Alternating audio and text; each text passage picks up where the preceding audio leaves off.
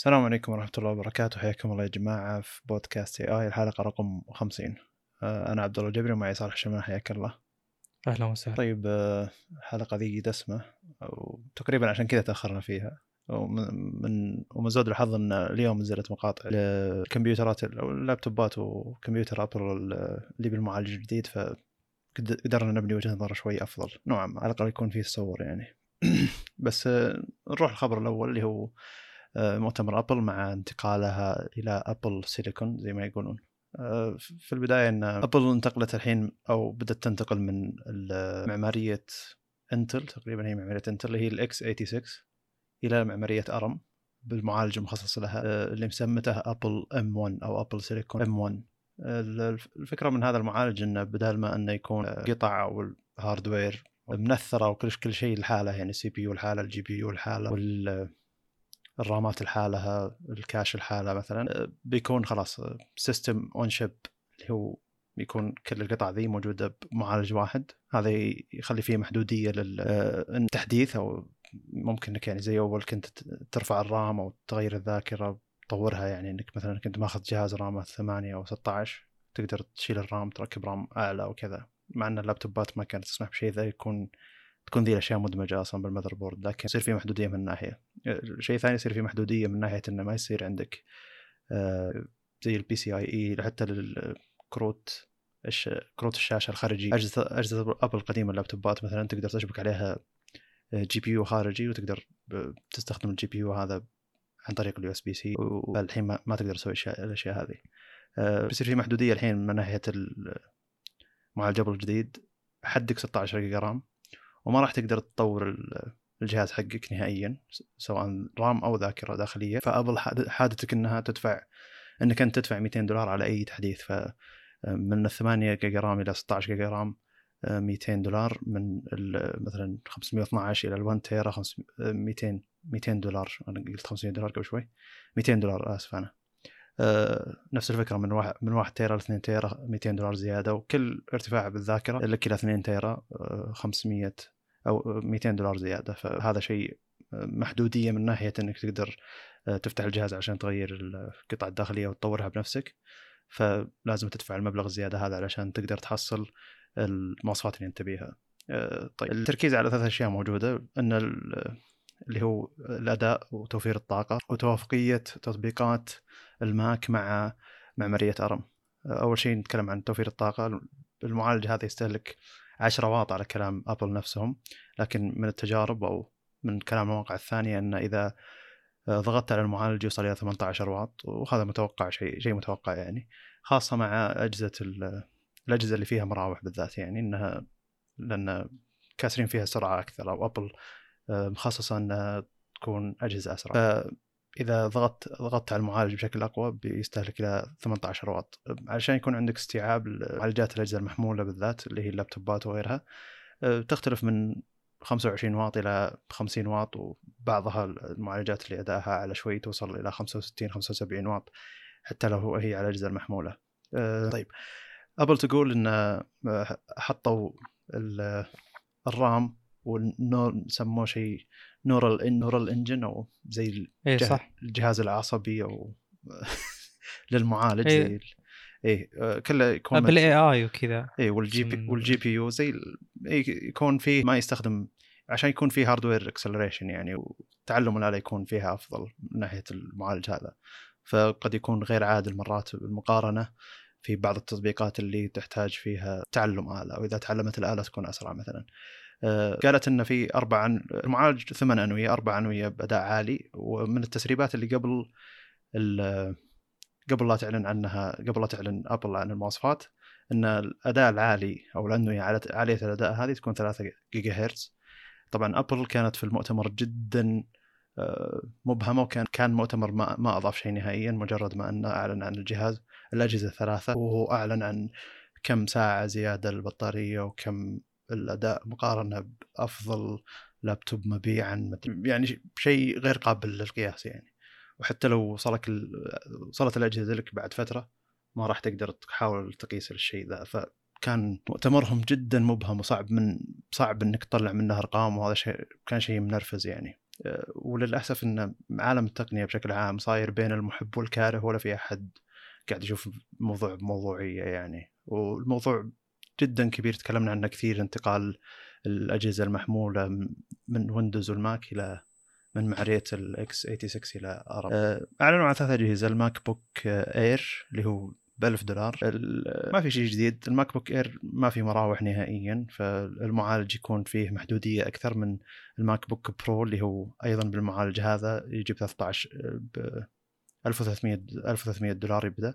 وال MacBook ال Mini اللي يبدأ ب 700 دولار. هذه فيها مراوح فالاداء للمعالج بيكون أعلى على حسب زي اللي تعديل أبل على المعالج نفسه علشان تدري إن هنا في مراوح وإن ال MacBook Air مثلا ما في مراوح. من ناحية التطبيقات التطبيقات في ثلاث أنواع تطبيقات. أول شيء تطبيقات ال iOS وال iPad بتشتغل بشكل رسمي مباشر لأن هي أصلا على معمارية ARM موجودة آه، معمارية إي نعم. والتطبيقات الغير مخصصة لمعمارية ARM إلى إلى الحين. بتشتغل على Rosetta آه، 2 اللي هو المحاكي اللي يسمح لك إذا كنت أنت على جهاز Mac آه، من من Apple Silicon عشان تشغل تطبيقات معمارية ال x86 وأيضا العكس صحيح إذا كنت معك إذا كان معك آه، جهاز laptop laptop من أبل عليه معالج Intel اللي هو بمعماريه x86 بيسمح لك إنك تشغل التطبيقات المخصصة لمعمارية ال ARM على Apple Silicon فيعتبر شيء جيد. آه، وفي التطبيقات اللي هي مخصصة لمعمارية ARM ال Apple Silicon على ال Mac. هذه ما تشتغل على iOS و iPad لكن تشتغل مخصصة على للابتوبات هذه بالذات المعالج ابل هذا الأول. وهذه التطبيقات بيكون تستفيد من ال neural engine أو الذكاء الاصطناعي أو تعلم الآلة بشكل أفضل فدائما الأداء فيها يكون أفضل. طيب الحين نزلت مراجعات على يوتيوب مو مراجعات مع ان الاستخدام أقل من أسبوع يعني للأشخاص اللي وصلتهم الأجهزة لكن وصلت زي اللي أو أول التجارب للأجهزة. وفي ناس قاعد يجربون مثلا الاداء مقابل أجهزة الماك القديمة وهذا مع مع إن القياس يعتبر غير صحيح يعني. إذا جيت تبي تقيس شيء توه نازل السنة هذه المفروض تقارنه بمعالجات السنة هذه فتقارن مثلا بالجيل الرابع من معالجات Ryzen الاجهزه المحمولة. أو معالجات Intel الجديده مثلا لأن معالجات المعالجات الموجودة على أجهزة أبل تعتبر نوعا ما قديمة هم قاعد يقارنون بأجهزة نوعا ما قديمة. طبعا مقابله سمعتها اثنين من الناس اللي يشتغلون في أبل يشتغلون على الانتقال هذا يقولون إن الانتقال هذا بيأخذ مننا تقريبا سنتين. وتطلع تطلع من الفكرة هذه إنك أنت احتماليا السنتين هذه بيكون لك الخيار إنك تشتري سواء شيء بمعالج Intel أو معالج Apple Silicon. من وجهة نظري الشخصيه ان احتمالية نجاح ابل بالانتقال من معماريه x86 إلى إلى ARM لأن ابل عندها تجربة عندها معالجات على معماريه ARM عندها تطبيقات عندها نظام على معماريه ARM كامل. بينما لو نقارن الوضع مع مايكروسوفت مثلا اللي هي نزلت الجهاز اللي هو ال Surface Pro X أو X Pro ما أدري دايم أضيع بالاسم هذا. Pro X إي نعم. آه، كان الاسم صحيح. اللي هو إن ما عنده مايكروسوفت ما عندها تجربة بمعماريه ARM نهائيا. أو التجربة كانت موجودة اللي هي مايكروسوفت ما ادري Windows Phone أو كذا اللي ماتت تقريبا. آه، ما عندها تطبيقات كثيرة على معماريه ARM علشان تقدر تقول والله أو عندها متجر هناك ما عندها معالجات على معماريه ARM فماخذة معالج Qualcomm بشكل مباشر. الأشخاص اللي محبين ابل بزيادة وحاولوا ياخذون الأرقام اللي تعلنها ابل مثلا إن 16 مليار عملية في الثانية ولا مدري كم عملية كذا في للمعالج. قالوا إن فرق معالج فرق الأداء بين معالج ال Apple Silicon M1 وال A14 الموجود بالآيباد واجهزه الآيفون الجديدة. 35% من زيادة الأداء على حسب الأرقام اللي تنشرها ابل وعلى حسب طريقة قياس ابل فهو أخذ الأرقام اللي تنشرها ابل على طريقة قياس ابل فقال قال انه مجرد زيادة 35 آه هذا كان كلام الشركة. إلى الحين ما أضفت وجهة نظري بشكل كبير. أنا بس أضفت انه لما نجي نقارن وضع ابل ووضع مايكروسوفت بالانتقال من العالم هذا إلى العالم من المعماريه هذه المعماريه هذه ليش ابل عندها فرصة أكبر إنها تنجح؟ فأعطني وجهة نظرك وكلام يعتبر طيب فصل. حلو. إن شاء الله ما نطول. ما أدري يمكن تبون نطول ما عندي علم صراحة. بس عموما الانتقال هذا كلنا شايفينه من قبل. we saw it coming يعني. من من أكثر من سنة تقريبا. آه، سواء الابل ولا المايكروسوفت يعني أو ويندوز عموما. لأن أصلا في تجارب من قبل ويعني وصلنا لفكرة إن هذه الفكرة لازم توضح بشكل يعني جدا. لازم يكون يعني بأذهان الجميع لأن غالبا يتم يتم التسويق له بطريقة مبهمة بطريقه غير واضحة. اللي هو فكرة آه، زي مثلا فكرة صايرة بمكاين فورد اللي اسمها EcoBoost. Eco يعني اقتصادي و Boost يعني خلينا نقول أداء عالي. آه، طبعا أو أتوقع إن ال Boost مقصود فيها التيرب الموجود فيها. عموما وش الفكرة؟ الفكرة من الأجهزة المحمولة غالبا مع محدودية خلينا نقول الموارد من ناحية خلينا نقول بطارية. الفكرة طال عمرك اللي هو انه أنا أحتاج آه، يصير استخدامي للموارد on demand بناء على الطلب. آه، كيف يصير كذا؟ زي مثلا خلينا نقول ال EcoBoost هذه ولا مثلا خلينا نقول مكاين GM LT. وش الفكرة؟ لو عندك ماكينة 8 سلندر آه الثمانية سلندر هذه موجودة والطاقة أو القوة اللي تطلع من الثمانية سلندر هذه أيضا موجودة. لكن أنا اللي أبي أسويه إني أنا أحيانا أو أغلب الوقت ما أحتاج الثمانية سلندر. أحتاج مثلا cruising يعني مثبت السرعه ومو سرعة عالية ولا في ممانعه قوية فممكن أحتاج من الثمانية اثنين بس.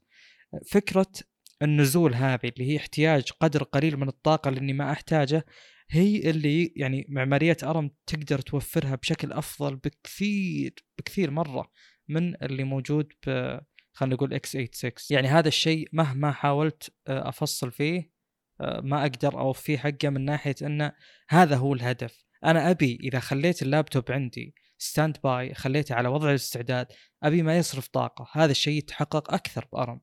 أبي استخدام الموارد زي مثلا خلينا نقول تحديد الموقع وإلى آخره. ما تستهلك طاقة لأنها ما تحتاج أصلا. فهو المشكلة بال x86 انه ما تقدر تنزل تحت. هي تعطيك أداء فوق تمام لكن نزولها تحت يعني مثلا video playback لو تشغيل أي شيء آه، يعني ايا كان وقت استخدامك للجهاز لو كان الأمر اللي تعطيه إياه بسيط بيأثر بال x86 أكثر من ARM لكن أثناء الضغط القوي جدا آه، لو كانوا يعني بقدرات مماثلة بيكون نفس الأداء يعني ARM ما عندها ترى سحر في خلينا نقول يعني المهام إذا صارت أكثر تعقيد أو شيء من هذا القبيل لا. ولا حتى مكاين فورد ما عندها شيء أسطوري بال high end يعني إذا وصلنا مثلا لقوات عالية. بس الفرق إنها أحسن في توفير الطاقة on demand بناء على الطلب. أقدر إيه هذه لازم تكون واضحة. طيب. سم. هو أول ما أعلنت أبل عن المعالج صار في ضجة بعالم التقنية عموما انه في واحد كان يقارن بين أداء iMac لما يجي يستخرج مقطع واحد الظاهر 4K وله decode معينة يعني أو HDR من ذا الحوسة يعني مدخله إلى اللي هو iMovie وبنفس نفس الفكرة مدخل نفس الفيديو هذا إلى ال iPhone 12 ميني ومستخرج نفس المقطع. ف هنا ال iPhone 12 ميني ما أخذ الوقت اللي يحتاجه ال iMac علشان يستخرج مقطع هذا. بينما من التجارب اللي أرسلت الحين في يوتيوب وصلت يعني انه واحد حط timeline جدا معقد وطويل يعني على مقطع هو ينتجه فعليا وجرب يستخرجه على جهاز ال MacBook Air الجديد اللي هو على ال Apple Silicon مقابل ال Mac Mac Mac Pro اللي هو الجهاز الكبير اللي موجود ما في مقارنة بال بالأداء نوعا ما إذا كان pure performance مو مو شيء يستخدم الذكاء أو يستخدم ال Neural Engine نتكلم هنا إنه لما حط شيء معقد ومقطع تقريبا 15 15 دقيقة وفي آه، انتقالات كثيرة وكذا بالاستخراج لابتوب أبل مع إنه مقابل اللابتوبات الثانية الموجودة بالسوق أداء يعتبر جيد أو مقابل اللابتوبات القديمه يعتبر أداء جيد اللي هو تقريبا أعطاه 11 دقيقه دقيقة إلى أن استخرج المقطع والجهاز ال Mac Pro آه، أقل من سبع دقائق واستخرج المقطع فهنا وضح الفرق يعني إن هذه معمارية x86 مع قدرات كبيرة جدا وعمليات معقدة أكثر قدرت تستخرج بشكل أسرع بينما اللابتوب لا عنده محدودية بالطاقة فلما تجيه آه، وش أقدر أقول؟ لما تجي مهام جدا كثيرة محدودية الطاقة تخليه ما يقدر يطلع الأداء اللي هو يعطيه على المهام الأصغر. ف بينما الناس اللي قاعد يجربون تجارب أصغر مثلا مثلا إنه آه، قاعد يفتح تطبيق والتطبيق هذا يفتح بسرعة حتى أسرع من أجهزة الاكس 86 مثلا الموجوده بالسوق. هذا شيء طبيعي لأن آه، معماريه أرم عموما أو المعالجات هذه الأساسية تعتمد هي اللي كانت تعطي أصلا تجربة لمس أفضل للأجهزة المحمولة.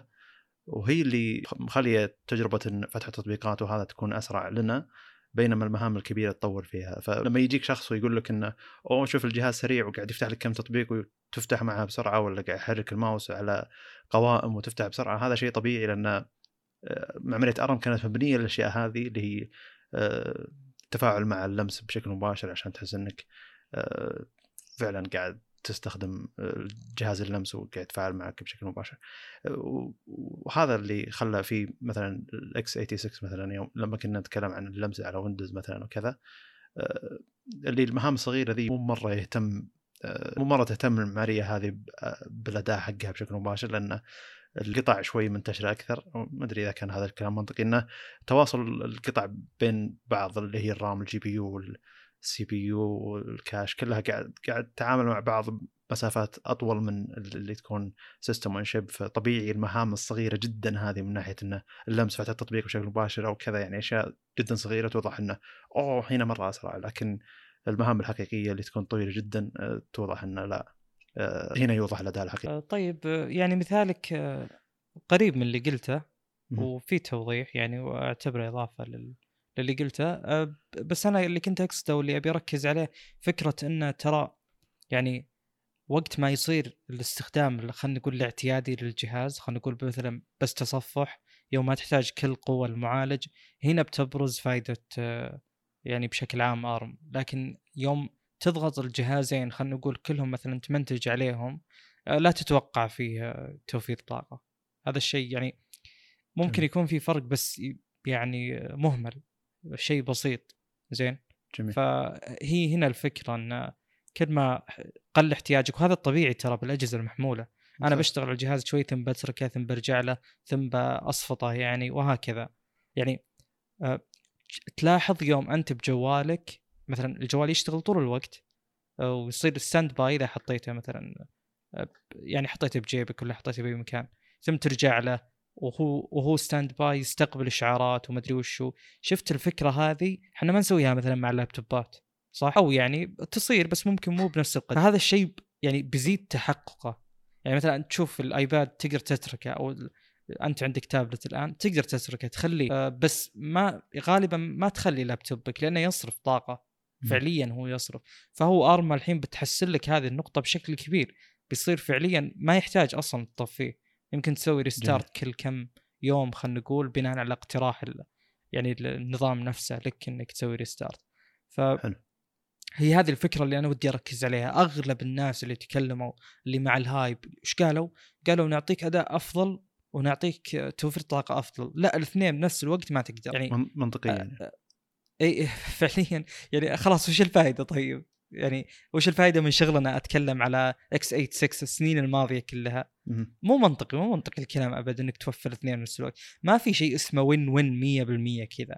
لازم في trade-off لازم مع الوقت مثلا يعني لازم نتحمل صدمة أو الشركة تتحمل صدمة تتحمل مشاكل عشان بعد ثلاث سنين يصير وضعها زين. وهذا اللي بيصير تقريبا مع ابل عموما أنا قسمتها الإيجابيات والسلبيات ثم حطيت توقعات مستقبلية لأن الموضوع هذا يعتبر مهم جدا. آه، بس قبل لا أبدأ في سرد هذه الأمور ودي أتكلم على نقطة إن آه، هذا مو أول ARM-based خلينا نقول كمبيوتر لأن عندنا اللي قبل اللي هو SQ1 على ال Surface Pro X وعندنا ال Galaxy Book X S اي Galaxy Book S اللي نزل السنة الماضية الظاهر اللي هو A76 مع A55 آه يعني هذا مو شيء جديد بس ليش أنا الآن أو ليش إحنا الآن أخذنا موضوع آه ابل M1 بشكل جدي؟ لأن ابل أخذت النقلة بشكل جدي. آه مايكروسوفت أو بدرجه أقوى. سامسونج ما هم أهل هذه النقلة أصلا. سامسونج ما عندهم خبرة أصلا بمايكروسوفت أو خبرة محدودة جدا جدا جدا.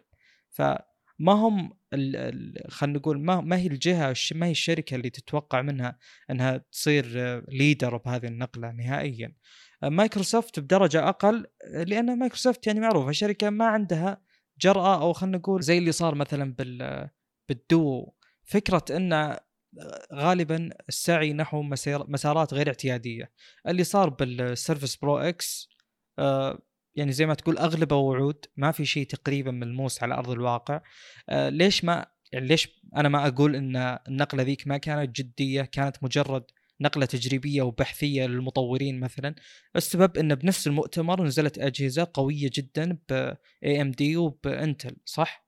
ابل خصصت مؤتمر كامل ال M1 ونزلت ثلاث أجهزة ب M1 ولا نزلت أي جهاز ب x86 فواضح إن في تركيز كبير جدا وفي وعود وأكثر شيء ممتاز كان بالمؤتمر إنهم جوك وقالوا لك يلا الجهاز الآن أو الأجهزة متوفرة للشراء. هذا. شيء قوي جدا. هذا شيء مرة ممتاز. وصراحة لو كان فيه شركة بتثق فيها بتوفير أرم على آه، نظام ديسكتوب أو خلينا نقول نظام كمبيوترات يعني ما هو نظام آه، هواتف ذكية صغيرة فهم ابل هم ال- الأكثر جدارة وهم الأقوى وهم أصحاب التجربة زي ما قلت أنت. آه، وهم اللي بياخذونه بشكل جدي يعني. لأن غالبا تبنيهم التقنيات زي كذا يكون يكونوا من أوائل الناس يعني. طيب بتكلم عن الإيجابيات الآن.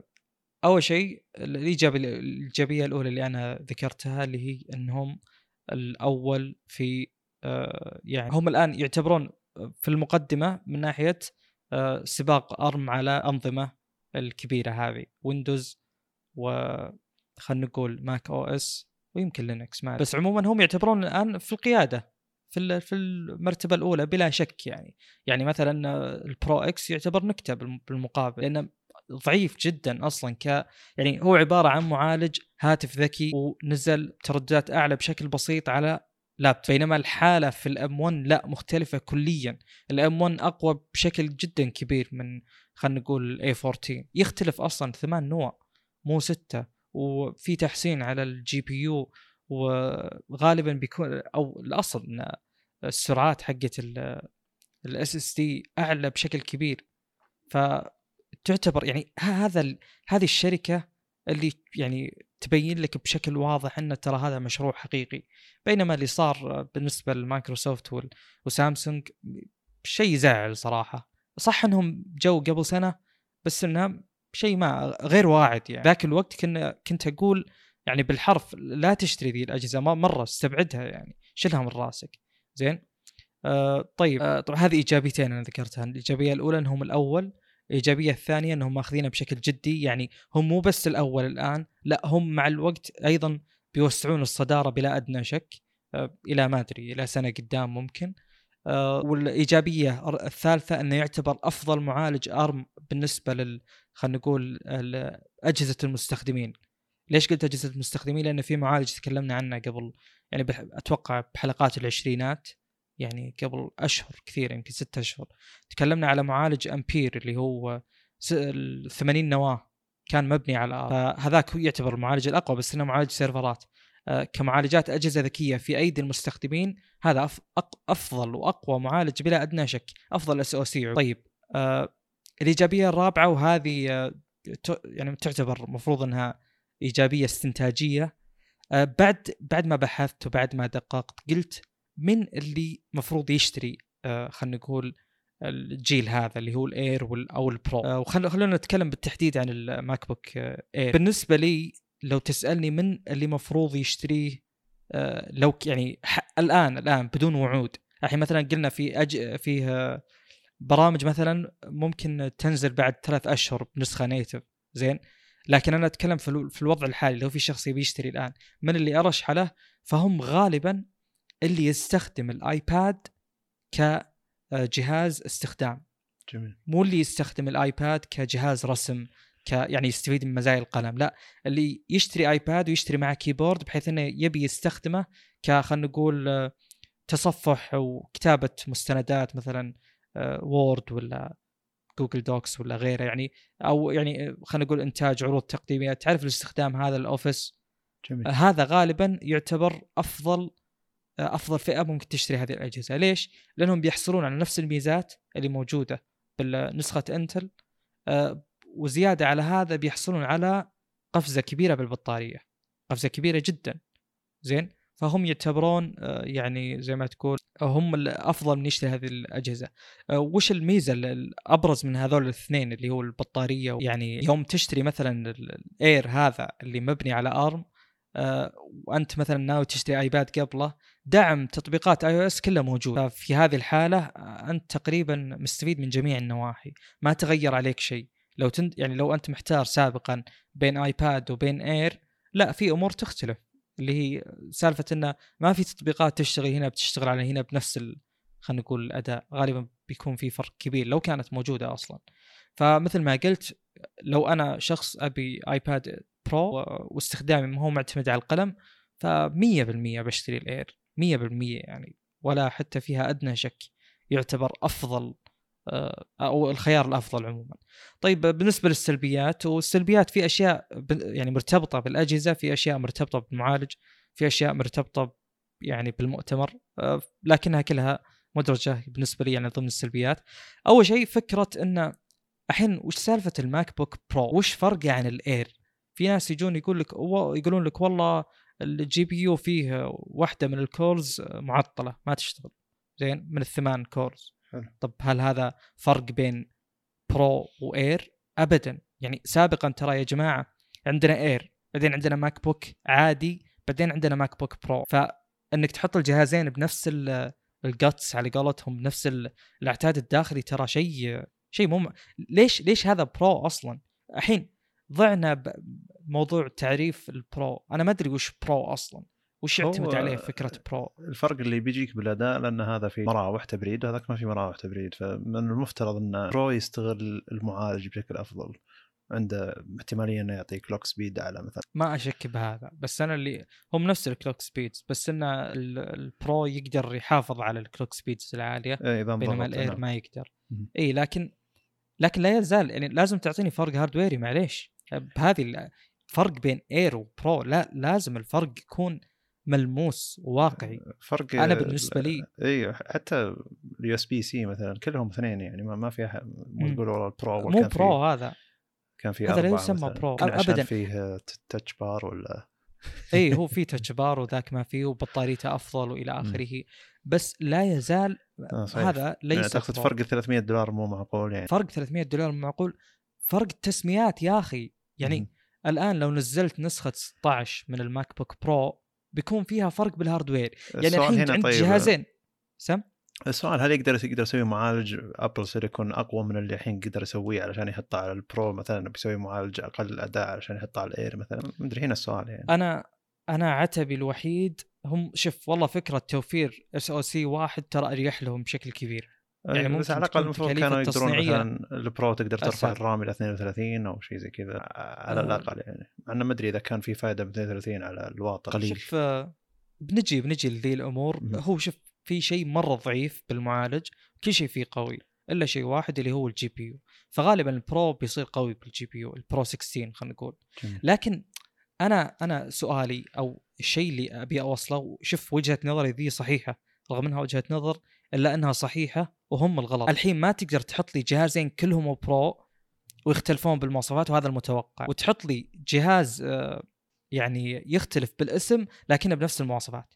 يعني ما ينفع إن ال Air وال Pro 13 نفس الشيء وال Pro 16 يختلف عنه. المفروض إن شو اسمه ال Pro 13 الحالي يصير اسمه MacBook بس زي الماضي يا أخي.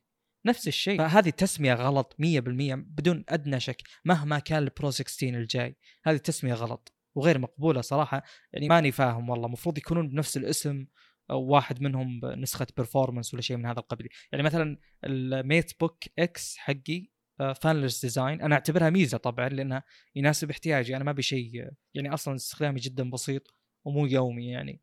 فهذا الشيء ممكن يعتبر ميزة. أو ممكن تعطيني نفس الجهاز بس نسخة أعلى.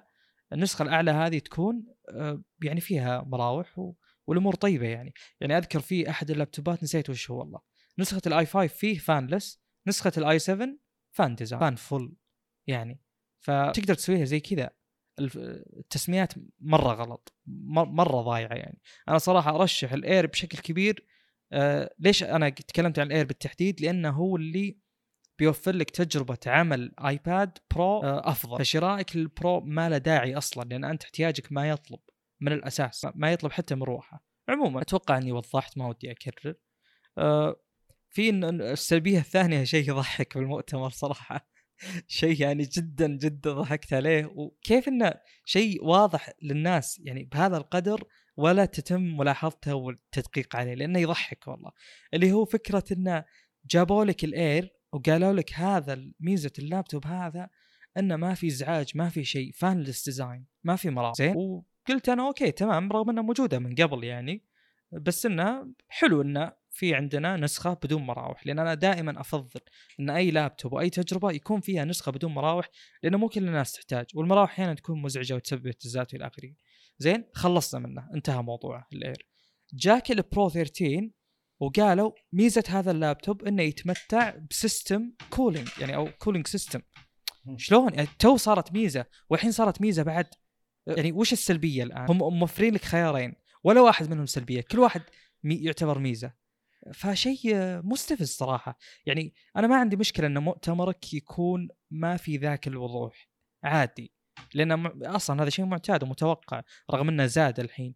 بس فكرة إنه يعني انك تضحك علي زي كذا والله ما أدري. لأن نظام التبريد الموجود بالبرو نظام عادي جدا بحسب اللي شفته.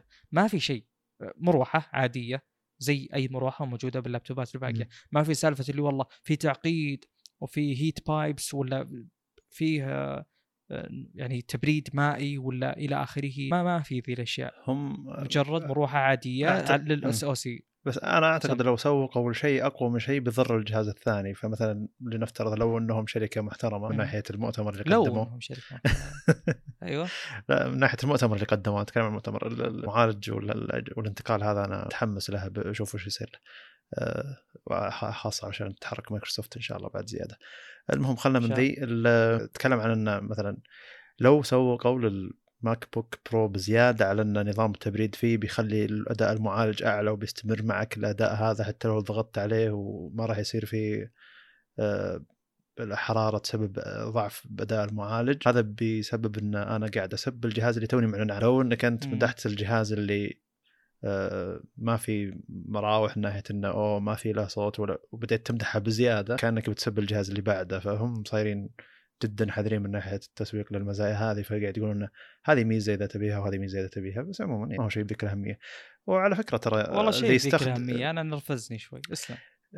لا الأشياء اللي التنرف ال- معناه مع إنها من عادة أبل يعني بس إنها هالمرة شوي بزيادة زي ما قلت انت تو اللي هو إن ماخذين أداء المعالج مقابل أكثر آه، اجهزه ال PC أكثر لابتوب PC مبيعا. وحنا نعرف إن أكثر مبيعا دايما ما هو أقوى شيء بالسوق. آه، في واحد جدا متخصص باللابتوبات بيوتيوب تكلم عن إن المعالج هذا تفوق بالمهام بال Geekbench بال benchmarks العادية. على أغلب المعالجات ما عدا المعالجات AMD الجديدة اللي هي ال 4700 و 800 U اللي تكلمنا عنها تقريبا بداية السنة. آه، المشكلة أنت قاعد تحرق علي الحين أنا ما خل خلصت. خلك من ذي بس أنا أقصد إنه خ- لما يدخل هو نفس المستخدم ذا تطبيق Geekbench نفسه اللي يعطيك benchmark لما يدخل من Rosetta 2 اللي هو المحاكي آه، يعطيه أداء فرق بالأداء تقريبا أقل 30% من فرقها لما يشغل تطبيق Geekbench المخصص لمعماريه ARM أو Apple Silicon يعني. بيعطيه أداء زيادة تقريبا 30% أو 5 هذا يعتبر يوضح لك الفرق لما أنت تكون تستغل المعمارية وتستغل ال neural engine الموجود المعالج مقابل أنك أنت تفتح تطبيق آه، بيشغله زي ما تشغل معالجات ال x 86 جميل. أم انقطع حبل الأفكار؟ لا بس إنه آه، يعني آه، هذه هذا كله شيء متوقع شيء إيه. الأصل إنه بيصير يعني. بس هذا شيء يوضح إنه هو قاعد يقول إنه لما يستخدم على لما التطبيق يستخدم على المعمارية المخصصة له يتفوق على أغلب المعالجات ما عدا المعالجات الجيل الجديد من AMD لما يروح يدخل إلى عالم ال 8866 اللي هو من خلال المحاكي يضيع بين المعالجات الباقيه فعليا يعني. يا أخي يوضح يوضح الأداء من غير الاستفاده المعمارية بشكل مباشر ف يعني. صعب شيء- صعب الحكم صعب الحكم والأرضية ما هي واحدة فما نقدر يعني نقارن صراحة. يعني أنا ما أحب إنك تقارن المعالجين ك خلينا نقول computing power لأن صرنا خلاص والله ما نقدر لأن. لا هم هم يعني من مع إن هذا مو بالمؤتمر هذا بالمقابلة اللي بالمقابلة اللي سمعتها بالبودكاست اللي جابوا اثنين موظفين Apple يشتغلون على الانتقال هذا آه، اللي هو دا يتكلمون عن ال performance per watt هذا كل تركيزهم ال performance per watt يعني ال- الأداء مقابل ال- الاستهلاك الطاقة بالواط يعني ان إحنا المعالج هذا هو أفضل performance per watt موجود بالسوق. ف هنا منطقي الكلام لكن ما تجي تقول لي هذا أعلى معالج الاجهزه محمولة بالسوق ولا مثلا لا تحاول تقارن مع كل شيء موجود بالسوق بالسوق. وهذا اللي خلاهم يكونون جدا مبهمين في أو يعني مؤتمر نوعا ما مبهم من ناحية إنه وش هو أفضل لابتوب مبيعا عشان تقدر تقارن فيه الاداء وحتى الرسم حقهم الفرق الأداء وغير واضح. طيب جميل. آه هذا شيء بذكره. فأفضل إني أكمل بعدين تناقش. طيب آه زي ما قلت أنت تو اللي هو الإبهام في المؤتمر. آه، أنا من السلبيات اللي ذكرتها لي الثالثة إن يعني الإبهام الكامل في ال- المؤتمر بحيث ان يعني الأرقام كلها اللي جت تقريبا غير قابلة للقياس أو بعضها قابل للتحقق آه، لكن آه، يعني مثلا البطارية آه، قالوا إن في الاعدادات المعينة في الوضع المعين بيعطيك ضعف البطارية وبيوصل لك up to 20 hours إلى 20 ساعة. ففي واحد من ال YouTubers قال تدري أبي أسوي زي تجربتهم بالضبط. وبشغل زي اللي شغلوه مدري وشو. فبال بال Pro جابت 13 ساعة. ال- ال Pro الماضي 13 كان يجيب سبع ساعات ونص يعني مو 50% أقل. يعني قريب من كلامهم بس إنه مو مو تماما هو. ال- ال Air حق Intel اللي هو ال Air حق بداية السنة هذه كان 8 ساعات. الجديد 11 ساعة ونص فزيادة ثلاث ساعات ونص. طبعا تحسين البطارية أو خلينا نقول تحسين استهلاك البطارية ممتاز. لكن للأمانة توقعت نتائج أفضل. ترى 13 ساعة ما هي كثير. ابدا. 13 ساعة ما تعتبر كثير صراحة أبد. يعني أنا ما أدري هذه أرقام واقعية طبعا. أنا ما أدري وش كان وضع ال- ال Pro X بس أذكر إني شفت أرقام توصل 20 ساعة. هم هم تجارب ناس قالوا ب 24. إي ف يعني البطارية ما يعني للأمانة غريب صراحة. توقعت إنها تكون أفضل من كذا لكن هم ما غيروا الحجم. فممكن يكون هذا السبب. طيب آه، نذكر السلبية اللي بعدها. آه، أنا ذكرت في السلبية الرابعة أن التطبيقات اللي ما هي نيتف تبقى تطبيقات ما هي نيتف يعني إيش؟ يعني مهما صارت قوة المعالج فتوقع آه، مشاكل آه، كثيرة كثيرة جدا. يعني مثلا آه، الآن أنت تشتغل ب Windows على Premiere. تلاحظ أنه مثلا أحيانا يصير crash وأنت تشتغل؟ زين تلاحظ ولا لا؟ إي نعم. ممكن يصير. أيوه هذا وهذا هو شيء غير مستبعد. إي على نفس المعمارية و optimized 100% وأذكر تجربتك السابقة ب Intel حتى فإحنا دائما نقول إن Adobe و Intel وما أدري وشو. فمفروض إن هذه ال best case scenario يعني مرة أفضل وضع ممكن. حتى أحيانا يصير crash بدون إضافات بدون plugins بدون add-ons وإلى آخره. فكيف الوضع لو صرت أشغله على emulator كيف. يعني مستحيل يكون زين. مستحيل حتى لو صار ال render أسرع. تبقى التجربة محاطة بالمخاطر يعني شيء شيء ما هو سهل ترى أبد. مستحيل تكون تجربة ممتازة.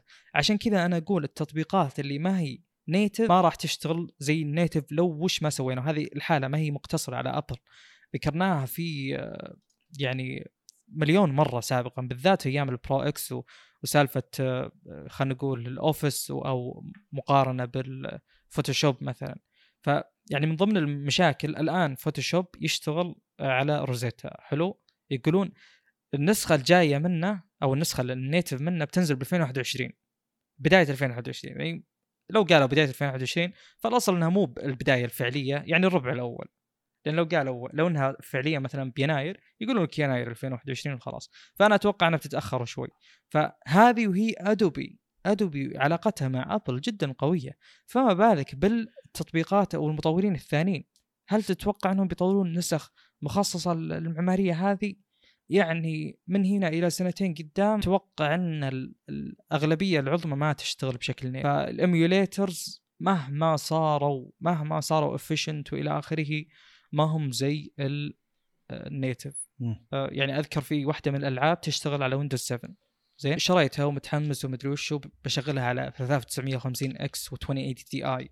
يعني وش أحسن من ال- المواصفات هذه؟ فشغلت اللعبة كانت يعني الأداء اللي أحصل عليه ما هو زي ال- المتوقع. يوم جيت أشغل اللعبة قال لي ترى اللي هو قال لي Windows إن هذه مبنية على Windows 7 فما راح تكون تشتغل عندك أو إنك بيشغل لك ال emulator بحيث إنه يشغل اللعبة. لأن Windows 10 ما راح يشغلها. زين؟ فكان الأداء جدا متواضع. فهذه اللعبة يعني خلينا نقول مطورة خصيصا ل Windows وإلى آخره ومع ذلك واجهت هذه المشاكل. فما بالك الانتقال بين نظامين يعني آه، تجربة ال emulators بتكون ولا زالت آه، سيئة وذكرنا هذا الشيء بال Pro X بدون يعني بدون أدنى شك إنها بتكون تعبانة. آه، فعشان كذا أنا قلت للي يبي iPad Pro وبيستخدم العمل الاصل إنه ياخذ هذا أفضل لأنه بيستخدم أصلا التطبيقات ال native اللي من iOS فيعتبر شيء مرة ممتاز بالنسبة إيه له. خ- يعني بيستخدم ال Photoshop حق ال iPad مثلا صح. تطبيقات إيه. فبيكون ممتاز له. حتى في بعض تطبيقات ال iPad أصلا يقول لك ليش ما هي موجودة على ال Mac مثلا أو زي كذا. جميل. طيب آه، السلبية اللي بعدها آه، اللي هو إن آه، في أحد ال YouTubers يعني جرب الجهاز وخلى مطورين يجربون مثلا يشغلون code ال Xcode يعني يشغلون برنامج iOS عليه اللي هو أتوقع Swift عموما تجربة التشغيل كانت أفضل من ال ال يعني نفس اللابتوب ال i5 منه اللي هو النسخة الماضية سواء ال Air ولا ال Pro كان أسرع يعني. فأنا قلت وحللت الوضع في هذه الحالة وقلت إنه طيب هو الآن ممتاز ب Xcode لكن وش وضع ال- ال- المليون لغة والمليون virtual machine الثانية هل بتكون زينة؟ هذا أمر مستبعد تماما. مو بتكون شينة بتكون ما تشتغل أصلا. وهذا المتوقع لأن ما في أي ذكر لموضوع ال virtualization على البيئة هذه. آه، يعني بس جابوا سالفة Rosetta ولا غيره ما ندري. هل تشتغل أصلا؟ هل أقدر أشغل VirtualBox على آه، هذه اللابتوبات؟ آه، أنا ما أقول إن مستخدمين هذه الأجهزة بيسوون هذه الأشياء وإن هذه سلبية وإلى آخره ولا شيء مرة صعب. بس أقول لك إن ترى في محدوديات كبيرة جدا. فأنت إذا بتاخذ هذه الأجهزة وتبي مثلا تستخدم خلينا نقول تشتغل video editing وتشتغل خلينا نقول تطوير وكذا آه، يعني شيلها من راسك ما, ما تنفع. أنت ما أنت مستعد تتقبل المخاطرة هذه العالية. عشان وشو؟ عشان شوي توفير طاقة؟ لا الموضوع مرة ما يستاهل. يعني ممكن أنت تسعى أو تدور توفير الطاقة أو تدور الأداء الأفضل ولا تحصل لا على هذه ولا على هذه بناء على استخدامك. فهو الفئة جداً. وضع سم. الماك مني أقول أجل يعني اللي بياخذه ويشبك على الكهرباء على طول. صح يكون أقل يعني الاستفادة من المعمارية أقل بشكل كبير. طيب آه، اللي بعده اللي هو فكرة آه، اللي ذكرتها سابقا فكرة ال GPU إن أداءه جدا منخفض. آه، وفعلا هذا الشيء سواء بال Pro ولا بال Air ما في تجارب دقيقة تبين لك يعني قد إيش هو مو زين لكن هو يعتبر زين مقابل ال iGPU ال integrated حق Intel الماضي اللي هو الكرت المدمج. هو بيعتبر أفضل منه لكن مهما كان ما راح يوصل أداء الكرت المنفصل الأسوأ كرت منفصل حتى. أنا ما عندي أرقام أقدر أقيس لكم فيها الأداء بس من خلال التجارب اللي شفتها بعض ال benchmarks وكذا آه، كان آه، يعني مثلا المنفصل حق نسيت أي نسخة بالآيباد بال آه، بال MacBook Pro. كان يجيب بأحد الألعاب 55 frame على ال benchmark حق اللعبة وعلى ال M1 كان يجيب آه، 16 frame. فربع الأداء تقريبا. سيء سيء مرة يعني. يعني غير قابل للاستخدام. آه، أنا ليش أذكر هذا الموضوع بالتحديد وهو يعتبر أفضل من ال- الكرت المدمج؟ اللي أذكره لأن ال M1 في كل الأحوال كيف بيدعم كرت منفصل؟ أنا ما أدري صراحة. هل ممكن يدعم كرت منفصل أصلا؟ هذا كأنه بيتعارض مع مبدأ اللي هو ال SoC فوش بيصير بالمستقبل بالضبط؟ ما أدري. هل بيصير في GPU قوي جدا بال SoC ممكن بس للحين ما شفنا هذا الشيء فما أدري عن مدى وإمكانية تحققه. آخر سلبية اللي هو فكرة ال ال نفس ال bezels. يعني في أحد ال YouTubers كان يقول ليش الناس زعلانة على ال bezels؟ ليش الناس زعلانة إنها ما تحسنت؟ وكان يقول إن يعني أنت الآن حصلت على بط- بطارية ضعف وهذا الشيء الأهم. طيب وش يمنع تواجد الاثنين؟ عادي نقدر نحصل على bezels. انحف لأن بالذات إن ال bezels حقت ال Mac معروفة إنها الآن صارت متخلفة عن المنافسة. كانت ال... يعني ال MacBook كانت الناس تشوفه برفوف العرض خلينا نقول بالمحلات وتقول wow مرة مبهر مرة ممتاز عشان آه، جودة التصنيع وعشان الحواف. الآن صار مرة متأخر. فالآن صار يعني مجال للانتقاد. يعني مثلا ال MateBook X أو ال MateBook 13 الحالي مبهر جدا في ال- ال bezels ك- 91% وصل كان 88 صار 91 فيعتبر جدا مبهر. في نقطة كنت بتقولها؟ أنا أقول إن هذه طبيعة محبين أبل يعني مو من طبيعته يطلب زيادة فهمت يعني؟ خلاص الشركة مم. تدري تدري عني وش أبي ليش أطلب منها الشيء ذا يعني ما ممكن. يعطي الشركة انه إي مو يقول انه هنا مجال التحسين لازم أقول عن الشركة إنها لازم تسوي شيء ذا لا يقول الشركة أحمد ربكم إنها أعطتكم الشيء ذا فخلاص أسكت. اي بالضبط صح. آه، ف- هذا اللي هذا اللي قاله فعليا هذا الشخص يعني. إي فأنا ش... فأنا معليش بس هذا أنا شاري الشيء ذا بفلوسي فيحق لي إني أقول انه لا أحتاج الشيء ذا أحتاج الشيء ذا ومعليش بس أبل س... سوت ال... يعني قللت الأطراف بالاجهزه اللي قبل فليش رجعت الحين رجعت الأطراف زي اللي استخدمت chassis أقدم ولا شاشة اقدم طيب آه، آخر شيء آه، حطيت كذا قائمة منفصلة اللي هو التوقعات المستقبلية واللي هي صعبة جدا. صعب صراحة تتوقع أي شيء وش بيصير بالسوق؟ الموضوع مهم. أكبر من ما يقال بكثير. النقلة هذه أكبر مما يقال بكثير. آه، يزعلني شوي إنها أثيرت بشكل جدي الآن ولا أثيرت سابقا مع ال SQ1 ومع خلينا نقول 8cx لكن أثيرت بال... okay. بالبودكاست حقنا ترى إي صح إحنا عندنا بيئتنا مختلفة تماما آه تكلمنا عموما. إي صح قلنا قلنا هذا شيء حاصل حاصل يعني سواء آه، طال الوقت أو قصر آه، أنا ليش أقول إن الموضوع صعب؟ الموضوع صعب لأن okay قلنا يلا سلمنا إن اللابتوبات كلها كل اللابتوبات بالعالم صارت على ARM. طيب إيش وضع الكمبيوترات ال PCs لأن ميزات ARM هناك تعتبر تافهة يعني. أنا ما أبي توفير طاقة. لا لا خل توفير الطاقة عندك. أنا أبي بس أداء أفضل في كل الأحوال. خلاص. برغم إن بعد موضوع استهلاك سم إيه، أقصد بعد السنتين مثلا من تطور المعماريه أو تطور مثلا التطبيقات اللي إنها تكون متوافقة مع معمارية جديدة للأجهزة المحمولة ذاك الوقت مثلا بتصير المعالجات تطورت لدرجة إن ال Threadripper الحين هو أداء أقل معالج مثلا بعد سنتين أو ثلاث سنوات مثلا. فاقصد انها ما يزال التطور بمجال ال- المعالجات والأداء خاصة ال GPU المستقل مثلا.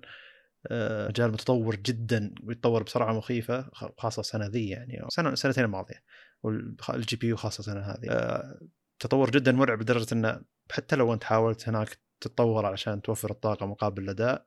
هنا قاعد يتطور عشان أوفر بس أداء. وه- وهذا الشيء اللي يحبونه الناس اللي يشبكون على الكهرباء بشكل مباشر. أنا ما عندي مشكلة تأخذ مني قد ما تبي عدد الواطات لكن عطني الأداء اللي أنا دافع لها فلوس.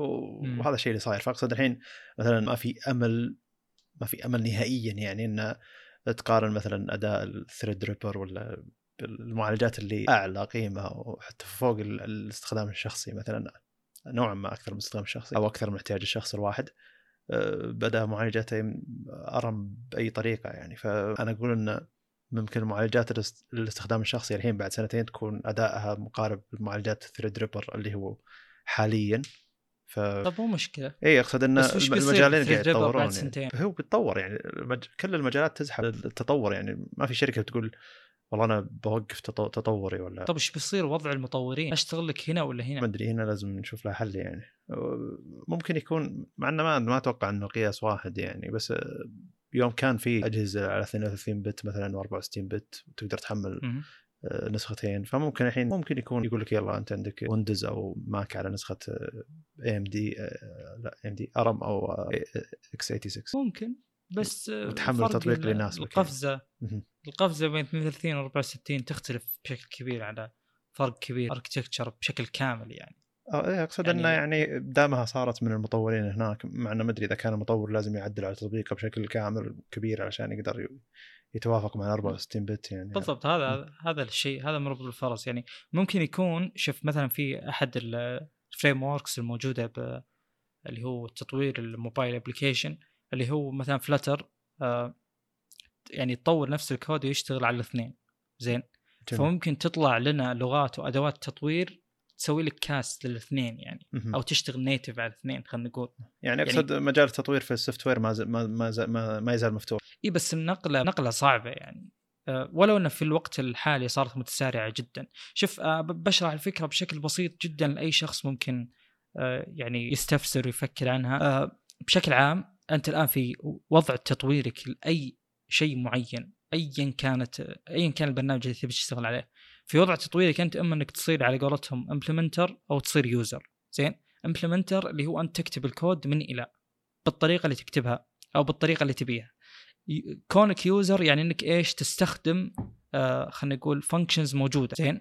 يعني أنا يوم أجي مثلا أكتب code ك implementer أنا ما عندي حدود فأنا أكتب كل شيء بنفسي. يعني يوم بكتب مثلا آه ميزة آه حق تسجيل دخول زين. أكتبها كلها من الصفر. إذا صار كذا يصير كذا إذا ال password غلط ما أدري وشو زين؟ لكن إذا كان في مثلا إذا كنت تشتغل على ال framework يصير فيه function بس تكتبها كذا تستدعيها وترسل لها ال username وال password وهي اللي تسوي لك authentication إلى آخره. زين؟ أتوقع وضح الفرق. آه، عموما عموما. آه، في مثلا استخدامك ل Flutter Flutter تعتبر user ال Android و user ال iOS. يعني إيش؟ يعني Flutter تكتبها بطريقة معينة هي تستدعي ال functions الموجودة بالنظام حق الاثنين. يعني مثلا أنت تكتب login حقت Flutter Flutter يقراها login إذا كانت النسخة اللي يشتغل فيها آه، Android يستدعي ال- ال function حقت Android. إذا كانت حقت آي أو إس يستدعي حقت آي أو إس. فهمت؟ فبحيث إنه يحاول إنه يشت... يعني يشتغل بشكل native على الاثنين. عموما هذا مجرد تقريب للصورة ولا في تفاصيل أكثر بشكل كبير. فأنا اللي أقوله حاليا إنه ممكن يعني تتواجد هذه ال frameworks مستقبلا بحيث إنه يكون الدعم والتطوير على الاثنين بشكل أسهل أو على الأقل إذا كان عندك اعتبار إن ال- النظام حقك ال software حقك يشتغل على أكثر من مكان فهذه الأشياء طبعا تكتب في ال documentations حق المشروع تكتب مم. إن ترى في future considerations إنه ترى ممكن يشتغل كذا. فأنت أثناء تطويرك للشيء هذا نفسه آه، تكون يعني ممكن مستعد للتغيير آه، إذا جاء يحصى ممكن يصير هذا الشيء صراحة. بس أنا لا زلت جدا جدا يعني صراحة شكوكي وتوقعاتي المستقبلية من كثر ما إنها جدا مضطربة. أنا متوتر. ما أدري وش بيصير يا أخي. يعني سوق اللابتوبات okay مو مشكلة خلينا ننتقل ال ARM إحنا نحتاجه بشكل كبير. لكن سوق ال PCs وش بيصير له؟ هل بيقل التطوير على x86 في شركات زي AMD لو صار في انتقال ال x8 لو لو صار في ترك ال x86 يمكن تقفل يعني. بس مو منطقي هذا الشيء. يعني أكيد الشركة عندها آه، خطط وعندها إلى آخره. عندها أشياء آه، يعني آه، زي ما تقول مواكبة للتطوير هذا أو النقلة هذه. أو أنه يمكن أصلا يبقى عندنا في السوق لابتوبات آه، ARM ولابتوبات آه، x86 والحياة حلوة وتمشي بشكل طبيعي. احتمال. فأنا ما أدري صراحة يعني أنا ما قد شفت نقلة أو ما قد حضرت بحياتي نقلة زي كذا. فما أدري ما أحس إني قادر آه، يعني يكون عندي تصور واضح وش ممكن يصير. لأن فكرة إن الاثنين موجودين بنفس الوقت ترى والله صعبة. صعبة على المطورين بشكل ما هو طبيعي. صعبة صعبة يعني مكلفة ومرهقة والى آخره. واحد من الطرفين لازم يضحى به. يكون يشتغل على الايميوليتر ولا شيء من هذا. توقعي طبعا ما أو ممكن ممكن أصلا تجيك Apple في آه، نظامها تقول لك أنت يلا يا المطور الجديد إذا طورت على ARM حنا نقدر نخلي الكود هذا يشتغل على x86 احتمال ما أدري. طبعا هذا كله معتمد ومرتبط بالأدوات اللي تقدمها الشركة أو ال- خلينا نقول اي الشركة نفسها المطورين. ممكن تكون جدا ممتازة ممكن يكون يعني في أشياء واجد في متغيرات واجد بال بالنقلة هذه.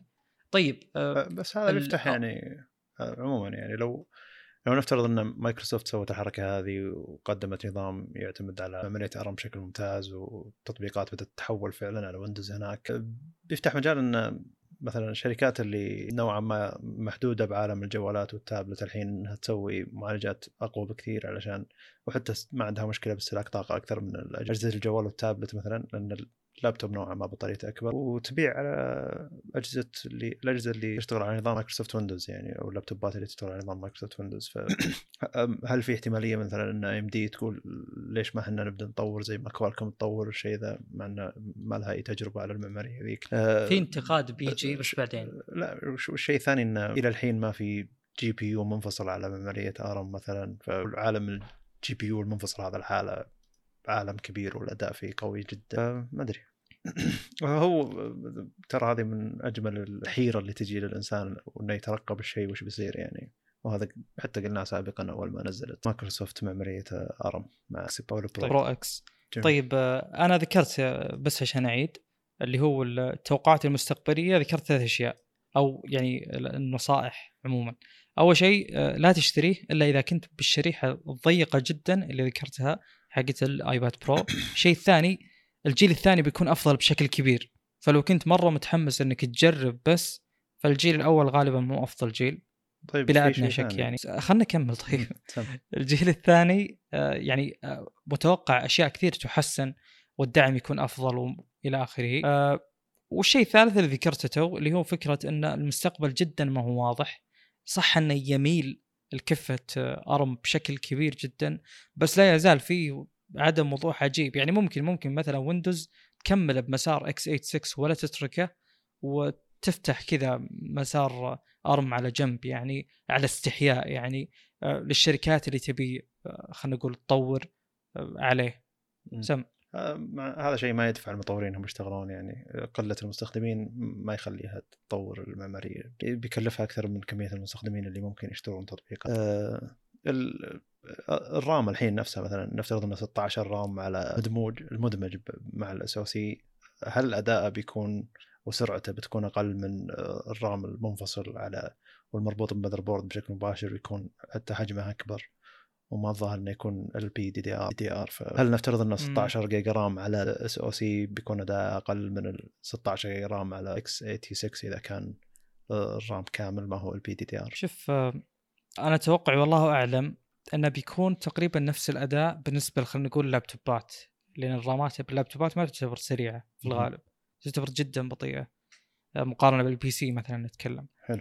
اللي بيصير طال عمرك ان أنت الآن عندك SoC فيه الرامات وفيه خلينا نقول ال ROM فيه التخزين ال storage. حلو. حلو؟ فشفت إحنا عندنا نقلتين. النقلة الأولى إن ال RAM آه، يسوي addressing كذا يعني يحط العناوين حقت الشيء اللي قاعد يشغله يربطها من ال RAM إلى ال ROM.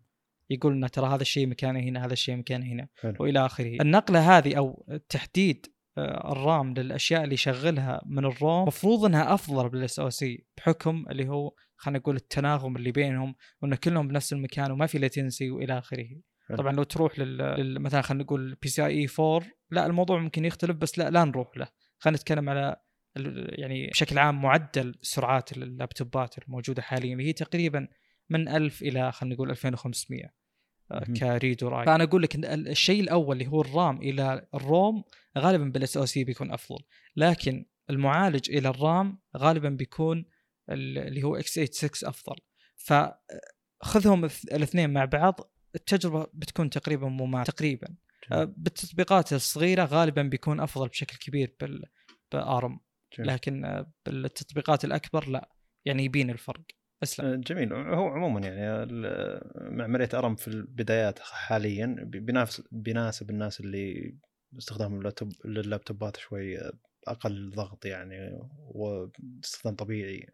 تصفح تطبيقات خفيفة. بينما بالمستقبل ممكن تجي تطبيقات تناسب الاستخدام الأقوى يعني. أنا حسيت إنه طولنا بالموضوع وأنا كنت أصلا خايف من طرح الموضوع إن نكون غير موضوعيين بحكم كره العام شوي للشركه لكن أتمنى نكون موضوع مو كره عام. لا والله شوف في البداية والله شوف أنا قلت لك قلت لك هذه ما لها إلا أبل النقلة هذه صراحة. اللي صار مايكروسوفت يحطم وذكرنا هذا الشيء. عادي يعني أنا يعني هذا الشيء يخليك هذا الشيء يخلينا أكثر موضوعية لأن مرات لما نتكلم عن الناس اللي يحبون أبل أو شركة أبل نفسها من نواحي معينة الناس يشوفون زي اللي يقول لك تابع تابع البودكاست هذا إذا كنت تكره شركة أبل أتوقع الساعة الماضية نعم. هذه تثبت العكس إن كنا جدا موضوعيين ومتفائلين إن هي الشركة اللي بتقدر تقود التغيير هذا أنا أرفض كلامك لسبب واحد طبعا أه، هذا كلام الناس مو كلامي طيب. شوف شوف دقيقة. لا خلاص يلا لك وللناس أي شخص يتبنى هذا الفكرة بقول لك شوف لو عندك مثلا خلينا نقول أه، شركة أه، دائما تجيب منتجات سيئة وأنت كل ما قدمت منتج سيء تنتقده. هل هذا يعني إنك متحيز ضدهم؟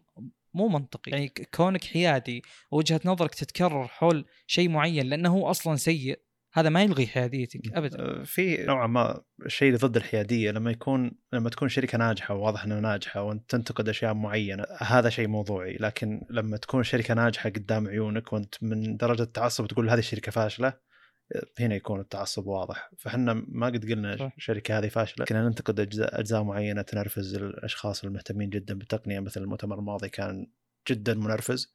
خاصة إن آه، الطموح للمعالج هذا والانتقال بالمعماريه أكبر من إنه يطرح بالطريقة هذه. مبهمة جدا وهذا شيء ينرفز أي شخص تقني حتى الشخص اللي يحب ابل آه، حلو. عموما يعني إن الشخص المتعصب هو اللي نجاح الشركة اللي يكرهها قدامه ويقول هذه الشركة فاشلة هذا شخص متعصب. بينما الشخص الغير متعصب حتى لو كان يكره الشركة إلا أنه ينتقد أشياء واقعية من المفترض إن الشركة آه، تعدلها ولو عدلتها صدقني الشخص ذا بيحب الشركة بشكل مباشر يعني.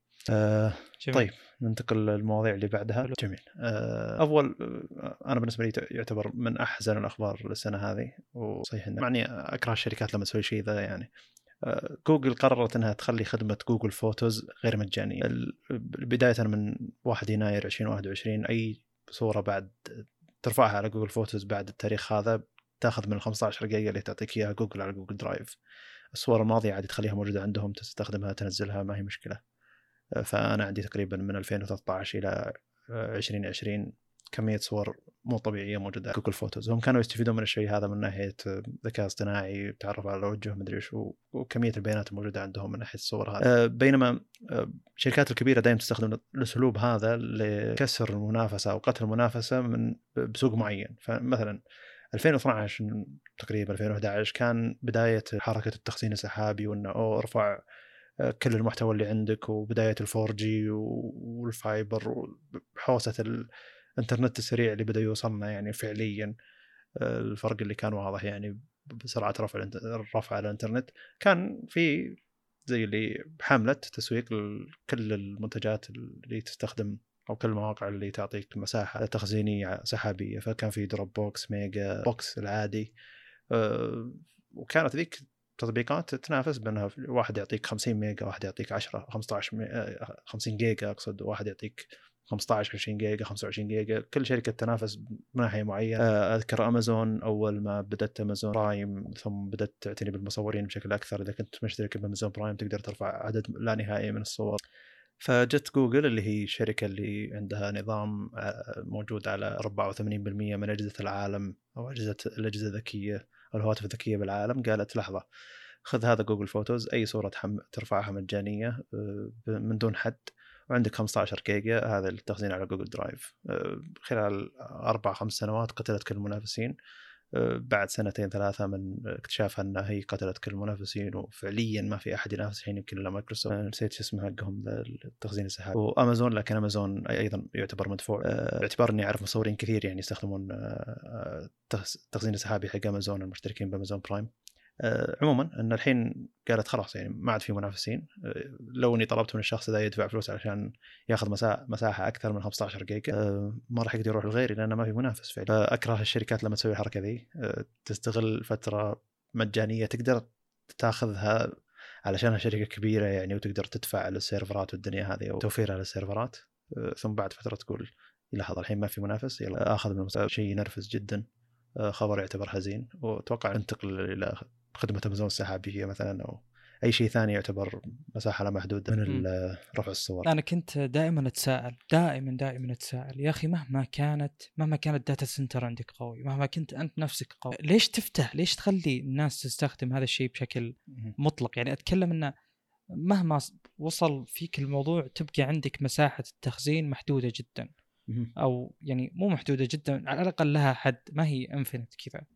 فأقول يعني وش مصلحتهم؟ طب خلي سالفة إنهم يعلمون ال models حقتهم حقت ال AI machine learning مدري وشو وإنه يصير يتعرف على وجهه ويصنف الناس و... ويحدد وش وضع الصورة ويصلح إذا كان فيها خرابات وإلى آخره. بس الآن تطمنت انه مهما كانت قوتك فأنت أو مهما كان غرضك فأنت بالأخير بتوصل لمرحلة إنه لا خلاص مو مجاني. كان مجاني وصار مو مجاني. وفي شيء يضحك دائما يعني أفكر فيه وأخليه ببالي اللي هو إذا كنت تستخدم منتج وكان المنتج هذا مجاني فأنت المنتج أنت السلعة اللي تباع أصلا أو أنت السلعة اللي ببياناتك هم يعني. إي فهم الآن حصلوا على شيء.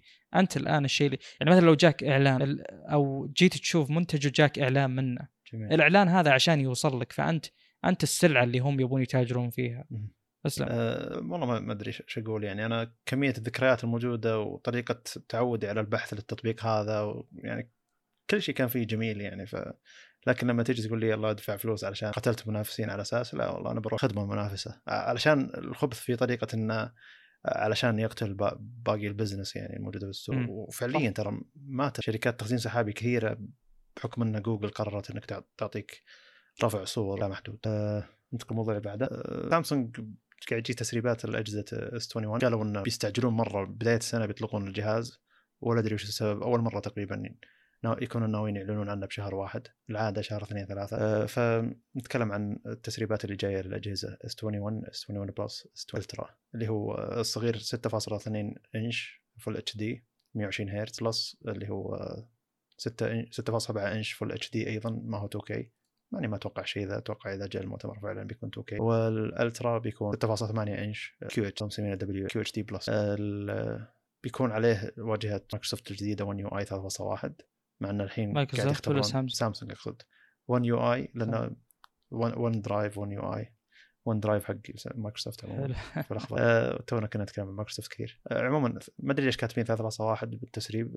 اللي قاعد يختبر الحين 3.0 آه، ليش بينتقلون 3.1 آه، المعالجات نسختين 875 Snapdragon و Exynos آه، 2100 البطاريات الصغير 4000 ال Plus آه، 4800 وال Ultra 5000 تقريبا ما تغير شيء.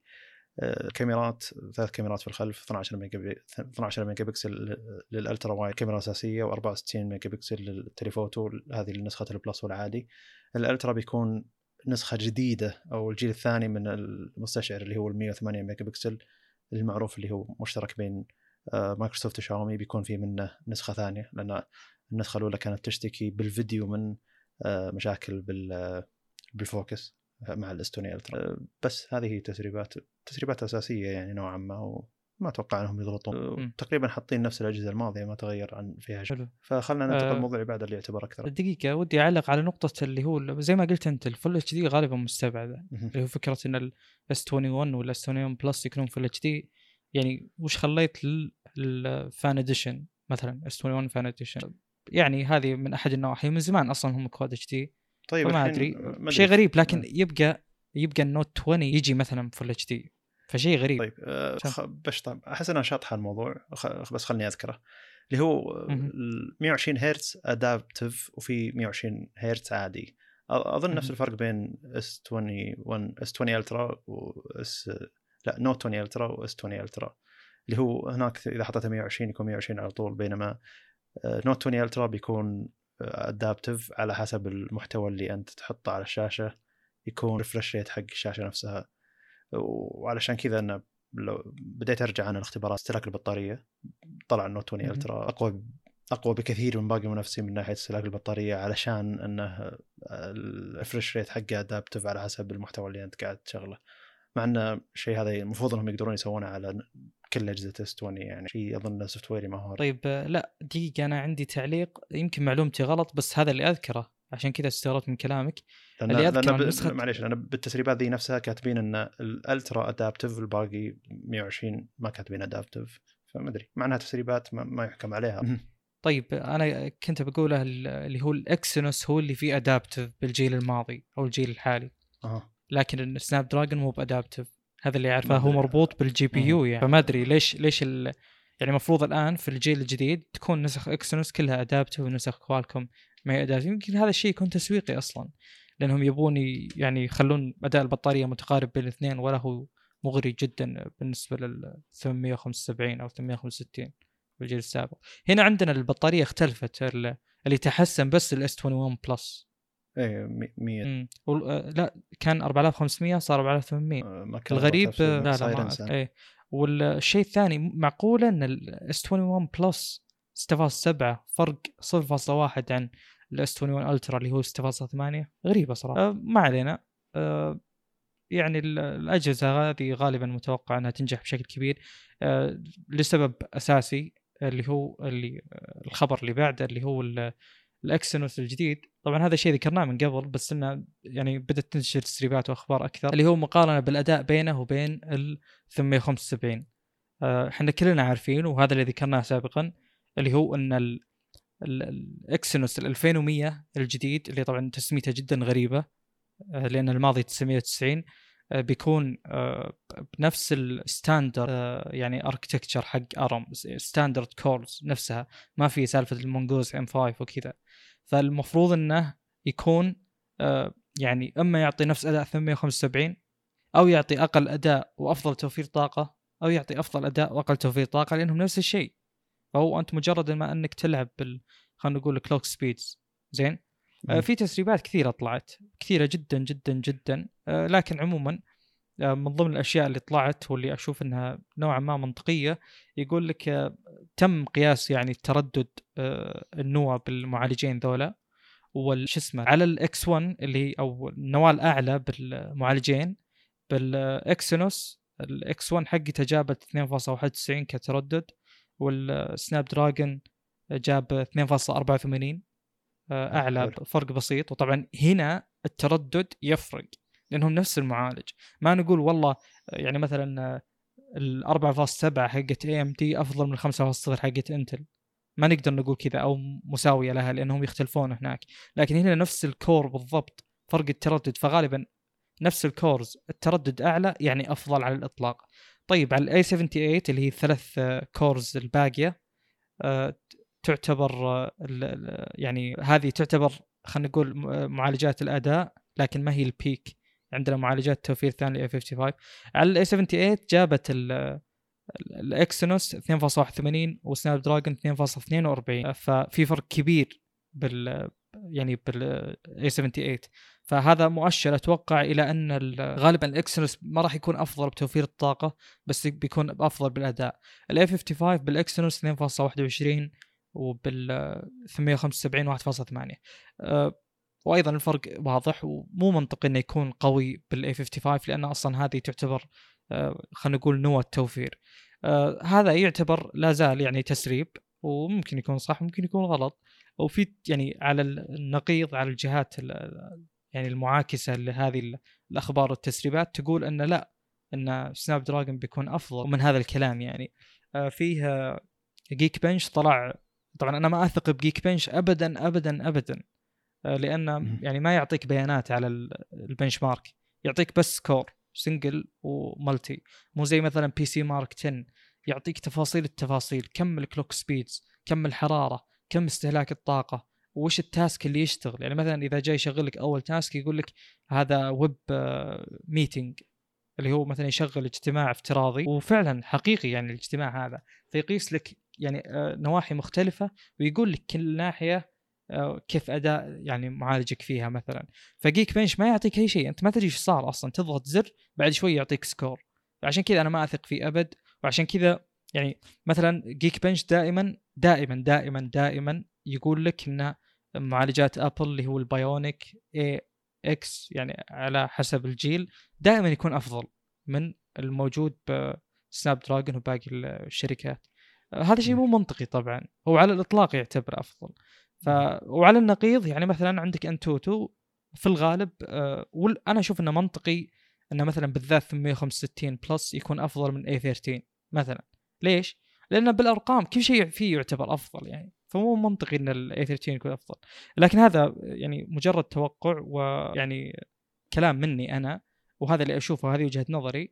آه المهم إنه يقول لك ب Geekbench ال 875 جاب 1120 على ال single core و3319 على ال multi core آه يقولون في نفس الخبر إن في في خبر ب Android Authority يقول لك إن ال Exynos جاب 1000 وشوي 1000 وكذا 28 وبال multi core جاب 3078 تقريبا فيعتبر أقل من 875 آه، لكن بنفس الوقت من GSMArena قالوا إن ال multi core حق ال Exynos بيوصل 4000 فالأخبار يعني نوعا ما متضاربة لكن كل اللي نقوله زي ما قلنا في الحلقة الماضية أتوقع واللي قبلها إن Exynos الجديد على الأقل لو ما يجي منه إلا إنه يعني آه، يعد بخير لأنه يعتبر standard ما فيه لعب زي أول. سم.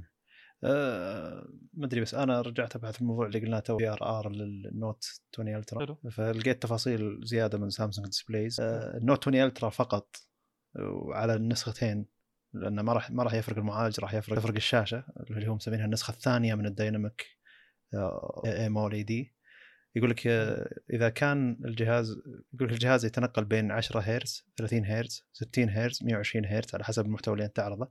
إذا كنت داخل الاستديو قاعد تعرض صور ثابتة ما قاعد تعرض فيديوهات بيحول إلى 10 هرتز. إذا دخلت تطبيقات تعتمد على التكست بشكل كامل مثل الإيميل ولا شيء زي كذا بيخلي الشاشة تعرض 30 هرتز. إذا دخلت على فيديو بيخلي الشاشة تعرض 60 هرتز أو 30 هرتز أو 24 هرتز على حسب الفيديو اللي أنت فاتحه. ما أدري إذا كان ينطبق على تطبيقات البث مثل اليوتيوب وغيرهم.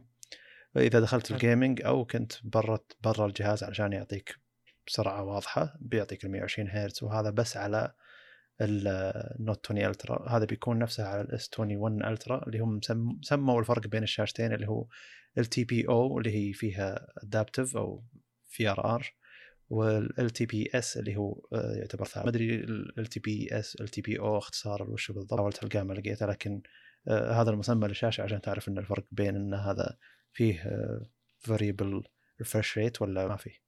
أو يسمونه الحين adaptive refresh rate وهذا شيء مخلي اداء بطارية Note 20 Ultra أعلى بالاداء من ناحية الاستخدام العادي مو من ناحية الاختبارات المطولة آه، على ال S 20 Ultra وال S 20 معلومة جديدة علي صدق توني أبحث عنها المفروض إني قادر أبحث عنها مستقبلا آه، سابقا الجهاز جميل. آه طيب. الموضوع بعد تكلمت عن معالج سامسونج بشكل مفصل أنا كنت شوي أبحث فما كنت مركز معك كثير للأسف. آه طيب تطبيق Your آه، Phone اللي هو تطبيق آه، تقدر تربط فيه جهازك الأندرويد على ويندوز وتكلمت عنه كثير بشكل غير طبيعي وأنا معجب بالتطبيق هذا واستخدمه بشكل يومي تقريبا. آه صار الحين طبعا سابقا كان ما تقدر تشغل تطبيقاتك اللي موجودة على الجوال على ويندوز من خلال هذا التطبيق. الحين صار تقدر تشغل تطبيقاتك الموجودة على اندرويد وعلى جهازك اندرويد على ويندوز بشكل مباشر خاصة إذا كانت أجهزة سامسونج الحين صرت تقدر تغير حجم التطبيقات هذه فتكبرها علشان تكون بحجم التابلت ولا تصغرها علشان تكون بحجم جوال. سابقا كانت محكومة بحجم جوالك بالضبط. إذا كان حجم جوالك كذا يفتح مثلا على حجم الجوال بالضبط على الشاشة وهذا يعتبر كان يعتبر شيء مزعج.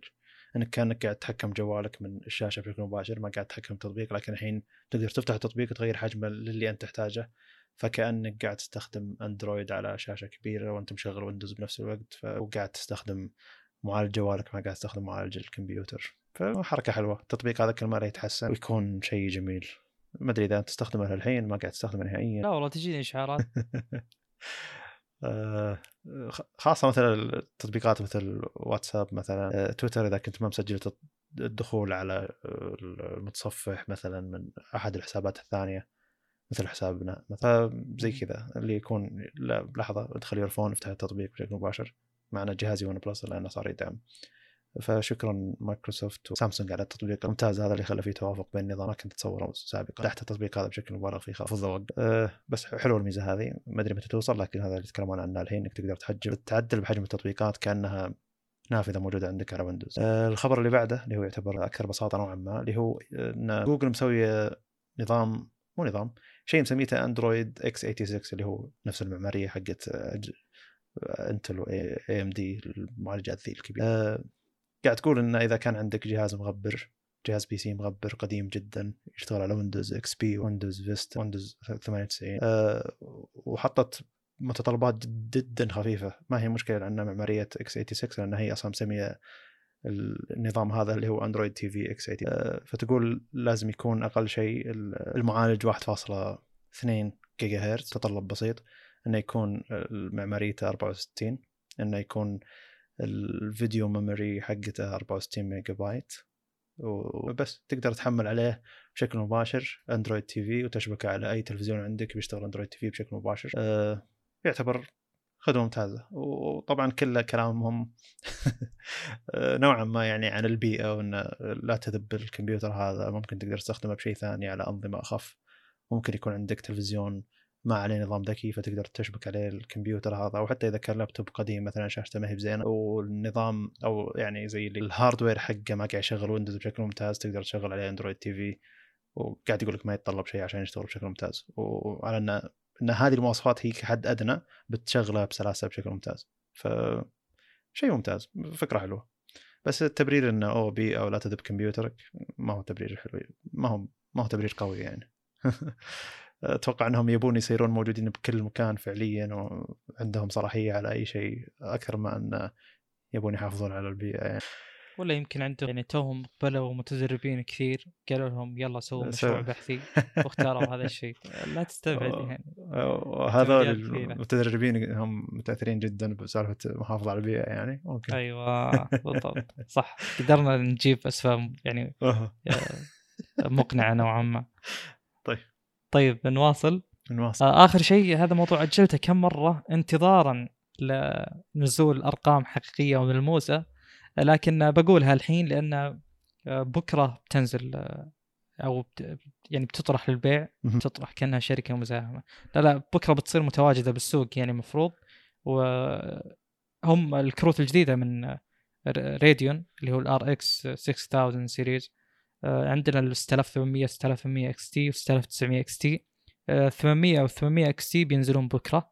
ال 6900 XT بينزل في 8 ديسمبر فبيتأخر شوي. آه، بشكل عام ما ودي أطول في ذكر المواصفات بس كاسترجاع إذا كنت ذكرتها أو ذكر من جديد إذا ما كنت ذكرتها لأني ما أذكر صراحة. المهم ال CUDA cores أو ال stream processors اللي هو خلينا نقول النواه الأساسية عندنا 3840 ب 6800 و 4608 بال XT 800 XT وعندنا 5120 بال 6900 XT. لو تلاحظون أبسط شيء واسرع شيء ممكن تلاحظه ان مثلا 6900 XT 5120 وال 390 3090 من Nvidia 10496 فتقريبا النص زين؟ ونفس الكلام مع ال 6800 و 6800 XT تقريبا يعتبرون نص المنافس. لو يجيني أحد يقول ليش آه، طبعا التبرير إنه ما هم نفس ال architecture ما هم نفس أي شيء أصلا. فال يعني ال stream processors الموجودة هنا ما ما نقدر نقارنها بالموجودة هناك لأنها تختلف أصلا. العدد نفسه ما هو كافي. زين؟ ف يعني بنذكر ال- ال benchmarks اللي جت من من AMD نفسهم بالمؤتمر واللي أنا أثق صراحة بالأرقام اللي يحطونها. ما هم زي Apple هم مثلا. لو قالوا لك شيء فإن بناء على أصلا حتى وأنت تشوف المؤتمر تدري إنهم يعني الأكثر منطقية نوعا ما. المهم في شيء ثاني يسمونه compute units اللي هو الوحدات هذه اللي فيها المعالجات. عندنا ال 6900 XT فيه 80 ال 300 XT فيه 72 وال 300 العادي فيه 60 آه، الفرق أتوقع يقدر يوضح لك قد إيش الفروقات بينهم كأداء. آه، عندنا ال texture units اللي أتوقع أن المقصود فيها زي ال- اللي هو ال tensor cores اللي هي المرتبطة خلينا نقول الذكاء الاصطناعي أو خلينا نقول اللي تجمع عمليات أكثر تعقيد زي يوم أقول سالفة المصفوفات مثلا. آه، عندنا 240 بال 6800 و288 بال 300 XT و320 بال 3900 XT. عشان بس يصير عندنا reference ال 390 تقريبا فيه آه، 326 شيء زي كذا. فجدا مقارب للموجود بال 3900 XT. طيب عندهم شيء اسمه آه، زي ال ray tracing نسيت شو اسمه بس نفس الفكرة أصلا. آه، نفس الكلام آه، يعني يشبه الموجود بال compute units 60 للفئة الأولى 72 للفئة الثانية 80 للفئة الثالثة. ال base clock حقهم يعتبر جدا مرتفع بالنسبة لل يعني الكروت بشكل عام. ال 300 يبدأ من 1815 وباقي الاثنين يبدون من 2015 يعتبر شيء جدا عالي ميجا هيرتز طبعا. ويوصلون إلى 2250 ال- ال memory الغريب ان كلهم 16 جيجا. هذا شيء مرة غريب صراحة. بس يوضح لك قد إيش آه، تفكير الشركات وتصورهم للسوق أو يعني نقول استخدامهم ال hardware جدا يختلف. يعني مثلا عندك آه، 8 10 24 ب Nvidia هنا عندك لا كلهم 16 فما يعني آه، يعني هل الفرق بيكون بينهم قليل أو لا؟ آه، ما أدري صراحة. بس إنهم الأصل إن الفئات هذه منافسة لل 73 وال 80 وال 90 آه، المفروض وهذا الموجود بالمؤتمر أصلا. ال power consumption عندنا 250 6800 و300 الاثنين الباقيين. آه بس هذا تقريبا كل شيء. الأسعار 5000 آه معليش 580 دولار لل 6800 يعتبر أغلى من ال 73 ب 80 دولار. وعندنا ال 6800 XT سعره 650 أقل ب 50 دولار من 6000 آه، من ال 380 اللي هو يعتبر منافس له. وعندنا هذا يعتبر مرة ممتاز صراحة 6900 XT المنافس لل 390 سعره 1000 دولار. طبعا أنا ما توقعت ابدا ابدا ابدا إن اي ام دي بتنزل كروت بتنافس فعلا آه، يعني خلينا نقول كل فئات انفيديا أنا اللي توقعته صراحة إن المنافسة بتكون يعني كحد أقصى لل 83 ما توقعت إنهم يقربون من 93 آه، لكن عموما حطوا هم رسومات آه، توضح آه، يعني مثلا ب 6800 العادي آه، مقارنة بال آه، اللي هو 2080 Ti وهذا شيء غريب ليش قارنوه بالجيل الماضي أصلا؟ آه، طلع يتفوق تقريبا آه، بكل الألعاب اللي ذكروها اللي هو Battlefield V Borderlands الأخيرة Call of Duty الاخيره Division 2 و Doom Forza Gears of War Resident Evil و Tomb Raider الأخيرة و Wolfenstein كلها يعتبر أفضل فيها أحيانا يفرق تقريبا 20 frame أحيانا يفرق frame واحد. هذا 6800 العادي مقارنة بال 2080 Ti بالنسبة لل 6900 XT يقارن بال 390 بشكل مباشر.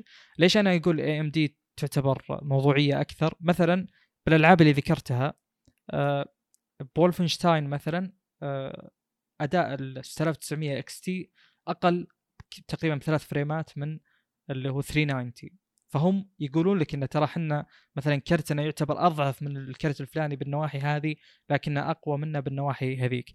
يعني مثلا عندنا الآن ثمان ألعاب زين اللي حاطين الاختبارات عليها. تقريبا أربع ألعاب يتفوق فيها آه، آه، كرت Radeon 6900 XT وأربع ألعاب يتفوق فيها 390 آه، فهذا كأنه يقول لك انه ترى في موضوعية كبيرة جدا بالمقارنة. طبعا أرخص منه ب 500 دولار. وبالنسبة لي كونه ينافسه بس هذا شيء يكفي أنا ما بيكون أفضل. جميل. هذا بالنسبة لي يعتبر خيار مبرر للشراء يعني أكثر بكثير من ال 390 يعني ال 390 تحس إنك مو محلل أداء عندك 24 جيجا ال VRAM لكنك ما أنت مستفيد. فالكروت صراحة جدا مبشرة بخير وجدا محفزة. وإذا كان عندك الجيل الخامس من AMD كمعالجات بتستفيد من سالفة ال smart memory الظاهر حقتهم زي الموجودة بالظاهر بال PlayStation وال Xbox اللي هو إن التعاون أو التواصل بين المعالج والكرت وال PCIe أو ال storage حقك بيكون أفضل وأسرع بشكل كبير. إذا عندك أي تعليق. جميل. الحين ال ray tracing هل هي مخصصة ل Nvidia ولا التسمية هذه مخصصة؟ أه أنت يعني شوف تطويرك الميزة هذه كخوارزمية تعتبر حصرية ل Nvidia يعني تطوير شيء اسمه ray tracing زين؟ لكن جت لك AMD وطورت ميزة منافسه باسلوب مختلف وتتبع نفس الأسلوب اللي هو فكرة إنه الانعكاسات وتتبع الضوء والضوء إذا صار على سطح عاكس هي لأن الحين اللي يستخدمون مثلا Xbox Series X PlayStation 5 إذا طفوا وشغلوا شيء يسموه ray tracing مع أن الكروت اللي داخل الأجهزة هذه AMD على حد نعم. فشلون مسمينه ray tracing رغم إنه المفروض يسمونه التسمية قد لا تكون حصرية بس تطبيق م. الخوارزمية يكون أكيد حصري ومن تطوير Nvidia نفسهم آه، أيضا على سيرة ذكرك ال ray tracing وتطويره نفس الكلام بخصوص اللي هو ال DLSS اللي هو حق Nvidia اللي يخلي لك مثلا تشغل 4K يسوي ال upscale 8K موجود مثله اسمه super resolution عند AMD طبعا أنا مرة متحمس لأن بكرة بتنزل تجارب 3800 و 800 XT يعني عند ال YouTubers فبتكون يعني هو الاختبار الحقيقي اللي بيحدد هل الكروت هذه تعتبر ناجحة ولا لا؟ أنا توقعي من الآن بتكون ناجحة جدا جدا جدا. وهذا شيء غير متوقع. واللي يذكر م. آه، كلامي عن الكروت آه، وبالذات سالفة آه، اختبارات الأداء حقت Nvidia. يذكر إني كنت أقول إنه صعبوا على Nvidia المنافسة لكن يعني والله ما شاء الله صراحة شيء غير متوقع. إذا كانت أرقامهم صحيحة. شيء أنا شخصيا ما توقعته ابدا. أسلم؟ مو من عادة الشركة تنافس بالفئة العالية العادة تنافس بالفئات صح. الرخيصة. صح. وشوف ال... شوف الموديل حقهم شوف الأسلوب اللي هو آه اختيار ال VRAM مرة يختلف عن Nvidia مرة مرة يختلف. إحنا اللي ذكرناه بموضوع ال VRAM ومتى تستفيد منه وإلى آخره قلنا إن إذا ثقلت على الكرت تأثر الكرت اللي فيه VRAM أقل بيصير أقوى. يعني مثلا تشغيل 8K يتطلب تقريبا على 390 إلى 16 جيجا. فأنت الآن يعني بيصير عندك مثلا تشغيل 8K على كروت Radeon الجديدة أفضل من 380 مثلا. هذا المنطقي لأن 380 10 جيجا لكن ما ندري نشوف تجاربنا. آه طيب. هنا ننتقل لل... إي بدل الوقت يحدنا فعندنا فقرة استفسارات. اي سم. إيه الناس يعني اللي ردوا علينا. آه في سبع استفسارات وعندنا تقريبا الوقت نوعا ما محدود يعني. فما نتمنى أن نطلع من مواضيع الاستفسارات ودنا نجاوب عنها بشكل مباشر وننتقل الواحد ورا الثاني يعني. ف آه، أول أول تعليق يقول ما شاء الله مبدعين. والله إني أنتظر حلقاتكم كل أسبوع. الامنيه أن الحلقات تطول أكثر. آه، ترى مع الوقت قاعد تطول الحلقات أكثر وقاعد تاخذ مننا أعداد أكثر وزي اللي إنتاج آه، يعني تستهلك وقت أعلى. فساعة ونص إلى ساعتين أظن هذا حدنا نوعا ما يعني مع الحلقة الماضية أكثر من ساعتين بشوي. عموما انه على الاستطرادات وغيرها تاخذ الحلقة وقتها وعلى حسب المواضيع يعني ما ودنا تبغى نسوي delete silence هذه. ما ودنا نكثر أكثر من ساعتين. أيوه. يعني هذا كله مع ال delete silence يعني إحنا نحاول نقصرها. هي أطول بشوي بس يعني. اي أيضا في في في, في إنتاج الحلقة يعني بعد ما نسجلها وخلاص نحذف الوقفات اللي بيننا نسجل عن بعد ففي وقفة ثانيتين كذا فهذا نحذفه ترى في في الإنتاج أو في ال editing آه طيب آه، نوعا ما طويلة فخلني أسردها كاملة ثم نتكلم. آه، يقول من ثلاث سنوات أو أكثر وإلى الآن ألاحظ في تجارب اختبارات السرعة بين نظام iOS و Android تفوق دائما بالسرعة ال iOS في تطبيقات معالجة الصور والفيديو وتصدير ملفات. والعلم يتم الاختبار على تطبيقات توفر على النظامين لدرجة أني شاهدت تجارب تفوق تفوقت فيها معالجة صور الفيديو بالتصدير يعني يقصد على نظام iOS على ال Mac بوك برو. لهذا لهذا السؤال هنا يقول هل النظام لغة برمجة التطبيق هي السبب أم المعالج المستخدم آه، متفوق بهالناحية أو بسبب نوع الذاكرة NVMe وأخيرا لو كان هذه الطريقة والمقارنه لا يعتمد عليها كيف راح يحدد المستخدم الجهاز الأفضل له؟ وبعض المتخصصين بصور الفيديو يعتبرون وقت التصدير للمشروع هو أحد مميزات الجهاز اللي راح يشتغل عليها شكرا لكم. في قبلها شيء ما له علاقة بالتقنية نوعا ما له علاقة بالبودكاست. يقول ما في شك إنكم تبذلون مجهود كبير في الإعداد البودكاست تسجيل النشر ولكن بالرغم من ذلك الا اني أشعر إنكم تستحقون انتشار أكثر. شكرا لك. أقترح عليكم تسجيل أحد حلقات البودكاست عبر فيديو ونشرها على اليوتيوب نفس طريقة التسجيل الصوتي مع إضافات بسيطة مثل الصور والمنتجات. حلقة كل شهر مثلا أو ملخص الأهم ما تم ذكره بحلقات سابقة. لاني ملاحظ زيادة انتشار البودكاست المرئي في اليوتيوب وله متابعين وهم بالتأكيد يفضلون المشاهدة وليس الاستماع. وأقول هذا لأني أعتقد إن إنه راح يساهم بانتشار البودكاست أكثر بالرغم إني شخصيا أفضل الاستماع وليس المشاهدة. وبالنسبة للتوصيه من متابعة البودكاست ملاحظ اهتمام عبد الله بال software آه، وجديد تطبيقات وحاب أقول لك إني مهتم آه، جدا فيها وأتمنى استمرارها حتى لو كانت خبر بسيط ولا يحتاج النقاش. وطبعا فقرة الأسئلة إضافة رائعة للبودكاست شكرا لك. خلينا نتكلم عن الاستفسار الأول ثم نرجع للكلام عن البودكاست. إيه اللي هو سالفة كيف إني أقدر أحكم واقرر إيه نعم. أه نفس السؤال هنا. أنا أسأل نفس السؤال. والجواب اللي وصلت له إنه ما تقدر. ما في الآن مع تعدد البيئات وتعدد المتغيرات. أفرض إن عندك معادلة مثلا آه، فيها بالطرفين فيها متغيرات. كيف بتطلع؟ ما تقدر. فهمت؟ فيعني كثرة المتغيرات هذه تخليك ما تقدر تحكم حكم مطلق لكن تقدر يعني هي تخليك تقدر زي ما تقول تقيس بناء على احتياجك وش وضعه. يعني مثلا لو كان عندك في الأجهزة الذكية وهذا الشيء مستبعد ترى. يعني غالبا تكون خلينا نقول غالبا مو مو على الإطلاق لاحظ كل كلامي بيكون غالبا. اللي هو مثلا في الأجهزة الذكية بتكون الخوارزميات المستخدمة ممكن أكثر افشنسي أكثر كفاءة يعني أكثر اقتصادية من ناحية استخدام موارد الجهاز. يعني مثلا لو كان عندك بالكمبيوتر كمثال يطلع لك ال chroma subsampling حقته 444 ممكن يطلع لك بالجهاز الذكي حقك 420 مثلا. ممكن ال compression يكون نفسه أقوى. لو أنت صدرت نفس الصورة بنفس الإعدادات وطلعوا كلهم بنفس خلينا نقول الحجم بنفس إلى آخره نفس الصورة بالضبط أنا أقول لك هنا المعادلة هذه أو قياسك صحيح. لو كان في أحد الاثنين يتفوق على الثاني فهو تفوق حقيقي.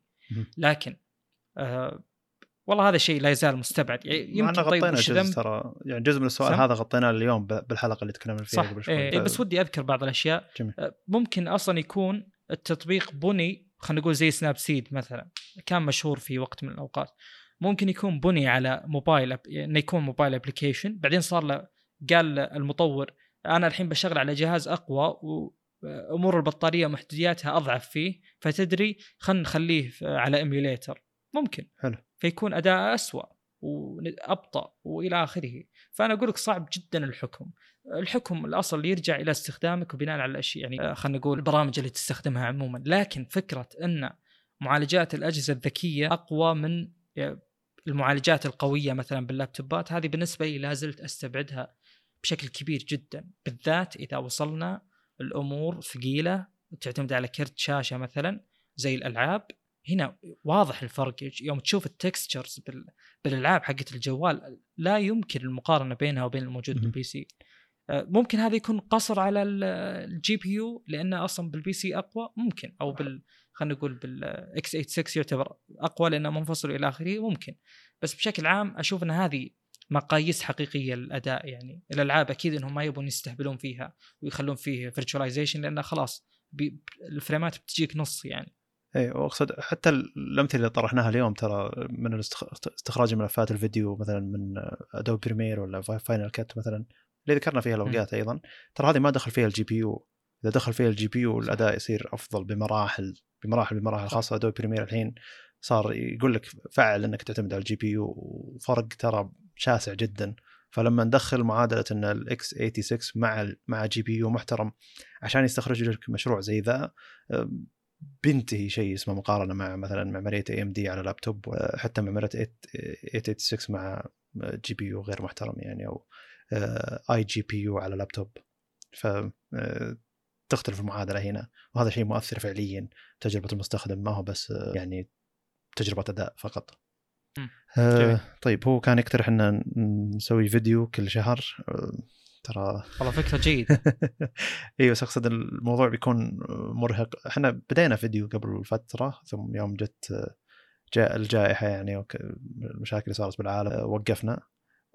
أنا شخصيا أحب أعطي تجربة صوت وأحب إني أسجل بس صوت لأن أكون نوعا ما مرتاح يعني ما أتزهل للبودكاست أكثر. والفيديو بيأخذ منه وقت أطول مساحة أكبر. فما أدري ممكن أسويها يعني حلقات مميزة مثل الحلقة الخاصة إذا كنا بنسجل حلقة خاصة ثانية مثلا أو أشياء زي كذا. فكرة اننا نحط صورة لكل خبر ونقعد نسمع البودكاست مرة ثانية هذا بيكون مرهق أكثر. ترى تسجيل البودكاست وإعداده تقريبا يأخذ من خمس إلى ست ساعات هذا شيء يعتبر مرهق واسبوعيا فما ودنا نضيف ساعات زيادة. آه، إذا كنت سابقا أسمع. الحلقة بعد ما أسجلها وأخلصها آه، الحين صرت ما أسمعها مع عدم توفر الوقت يعني ومع استهلاك البودكاست وقت أطول للإعداد والإنتاج. آه، في نقطة أشوف أنها جدا مهمة وجوهرية. لو كان عندك شخص ثالث هو اللي خلينا نقول يمنتج الحلقة وهو اللي يرفعها هذا الشخص الثالث بيكون خلينا نقول متشوق إنه يسمع أصلا فهو يعدل يسمع. هذا. اللي يصير لي أنا.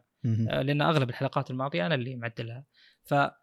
فكونك تسمع نفس الكلام مرة ثانية ترى الموضوع اوه مرة يعني ثقيل صراحة جدا ثقيل متى يعني. يخلص بالضبط هذا م. كلام أنا قايل هذه وجهة نظري يعني فليش. أسمعها مرة ثانية آه، أنا أسمع الحلقات مرة ثانية إذا كان فيها نقاش وأبي أعيد سماع وجهة نظري اللي ممكن أكون ما طرحتها بشكل ممتاز أو ما وضحت الفكرة أكون شاك بأسلوب الطرح ما أكون شاك بالمعلومة مثلا أو في شيء زي كذا وكان كان يتكلم عن ال- الاهتمام اهتمامي أنا بجديد ال software والمزايا الصغيرة هذه. ترى هذا اهتمام تقريبا من عام 2012 2011 كان عندي حساب بالانستغرام اتكلم فيه عن المزايا الصغيرة هذه. ثم اكتشفت إن عدد الناس اللي يهتمون فيها في Android قليل فوقفت الفكرة. وبعدين صرت أحطها الحين في تويتر في في البودكاست كذا على- على شكل أنا مهتم تجربة المستخدم بشكل كبير.